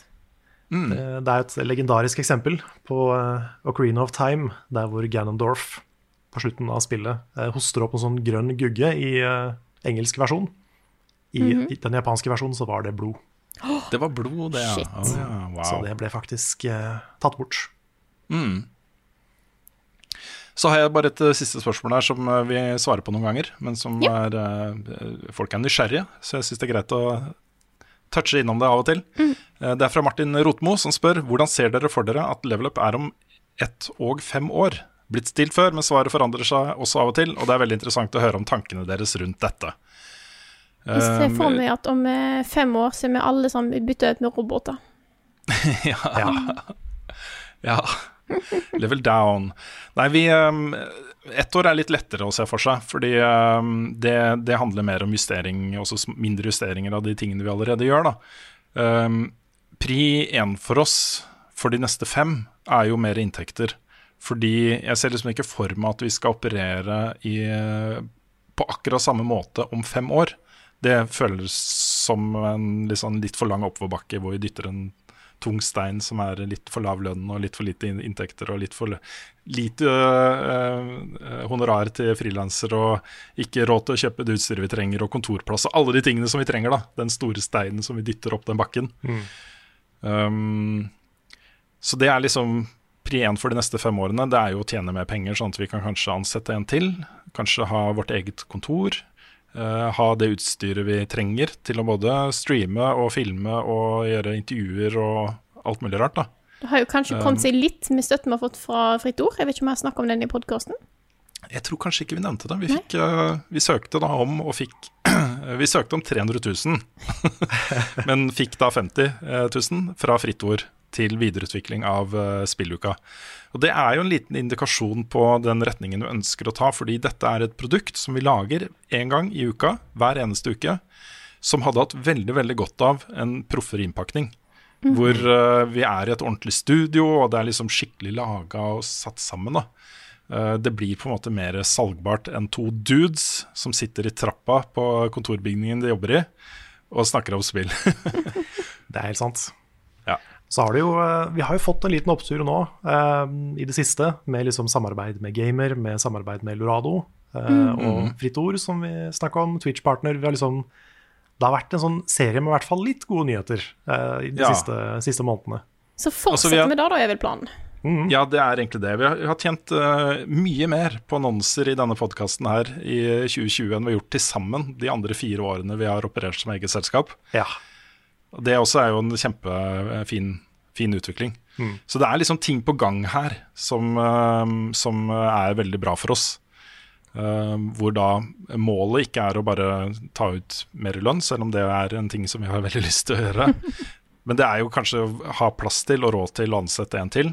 Um, og å ha et sted hvor vi kan sitte sammen og jobbe Mm. liksom til daglig. da Fordi eh, det at vi sitter så mye hver for oss og sånt, hindrer litt videreutvikling av eh, produktet vårt. Mm. Og vi har jo vi har det kontoret sammen med Gamer, men problemet der er at eh, vi sitter jo sammen med veldig mange andre. Og da mm. føler vi det litt på oss hvis vi begynner å bråke, hvis vi begynner å egentlig gjøre de tinga vi gjør, eh, annet Ja. enn å klippe. Så Ja. er det litt forstyrrende for alle de andre. Mm. Så det er en litt sånn utfordring. Det er det. Men eh, vi, vi er fortsatt sånn eh, det, Dette er eh, morsomt for oss og gøy for oss. Og vi er veldig sånn interesserte i å få dette til å være lønnsomt over tid også. Mm. Um, og det er viktigere enn noen gang da at vi har den støtten vi har på, på Patreon Fordi hvis, hvis den hadde liksom bikka en god del ned nå, da, så hadde det gjort ting ganske tungt for oss. Da hadde det vært mye tyngre for oss å dytte den ballen. Mm. Eh, Det at vi har såpass mye eh, støtte på Patron, og at vi kan eh, budsjettere med det, vite hvor mye penger vi har fra måned til måned, er helt avgjørende. Så mm, bare tusen takk til alle som, som skjønner det, og som backer oss på Patron. det er helt uvurderlig for oss, og vi er veldig takknemlige. Så kan vi jo ta dette som en mulighet da, til å komme med en liten oppfordring til lyttere og seere som ikke støtter oss på Patreon, og som tenker at vi tjener nok penger. Vi gjør ikke det, altså. Vi skulle gjerne ha tjent mer penger. ja, det er, en, eh, det er alltid en oppoverbakke. Ja, Det er dette sånn- er sånn Det er ikke ja. sånn for å tjene penger for liksom, ja, det hadde vært fint med mer penger, men det er mer sånn for å ikke gå i minus. Ja, vi, vi gjør ikke dette her for å bli rike. Uh, Nei. På noen som helst måte. Vi gjør det fordi vi brenner for eh, jobben vår. Mm. Men uh, det handler jo litt om at Rune har familie, og jeg vil gjerne ha bolig en dag. litt sånne ting. Så ja. Det, det, Ja, og så bare se for dere det, kostnadene da, ved å ha ansette en til på heltid. Det er liksom minimum uh, med liksom arbeidsgiveravgift og alle de tingene som følger med. da, Minimum 400 500 000 kroner i året. Som vi trenger i tillegg da, til de pengene vi har i dag. Mm. Så, så det, det er ikke sånn at det å drive et selskap er bare Det er ikke, ikke gratis. Det er ikke det, ikke ass. gratis. Og så er jo topp prioritet også er jo mer penger til frilans. Fordi eh, Mm. Dere får ikke nok penger for det dere gjør, Frida og Nick Nei. og Lars og Svendsen og Bjørn. Nei. Det er helt riktig. Så eh, det var et, Jeg vet ikke om det var et godt svar, men det jeg ser jo liksom for meg drømmesituasjonen for oss, det er jo at vi er, opererer mer som et ordentlig selskap. Som har et, et kontorplass med skiltet vårt på døra, hvor det er montert lamper og det står stativer klare med, med kameraer. Hvor vi Og har de. PC-ene Hva sa du? Og kakefredag. Kakefredag. Kakefredag. Kakefredag.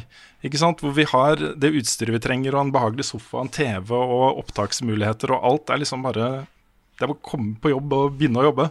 Mm. Det er liksom drømmesituasjonen vår, da. Og vi trenger ikke å være ti ansatte, det holder med to, tre, fire, liksom. Kanskje fire ansatte, da. Mm. Eh, det er en sånn drømmesituasjon. Ja.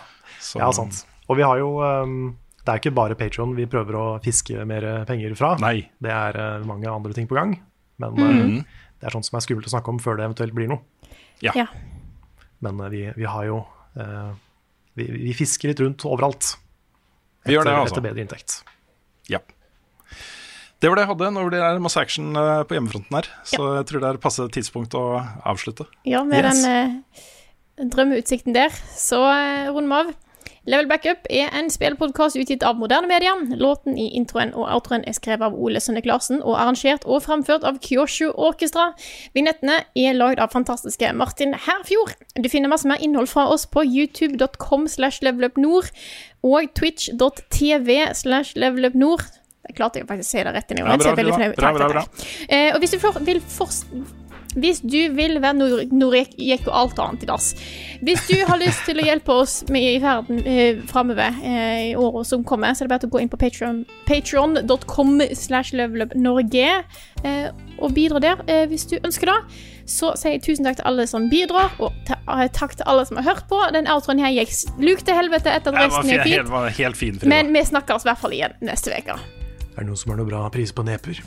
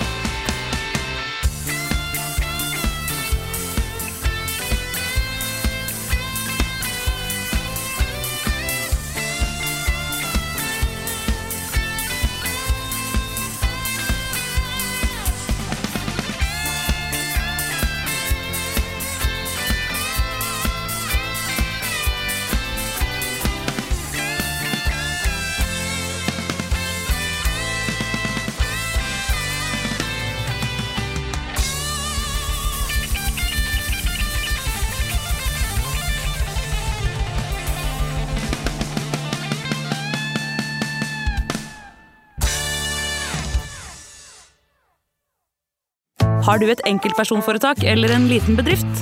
Da er du sikkert lei av å høre meg snakke om hvor enkelt det er med kvitteringer og bilag i fiken, så vi eh, gir oss her, vi.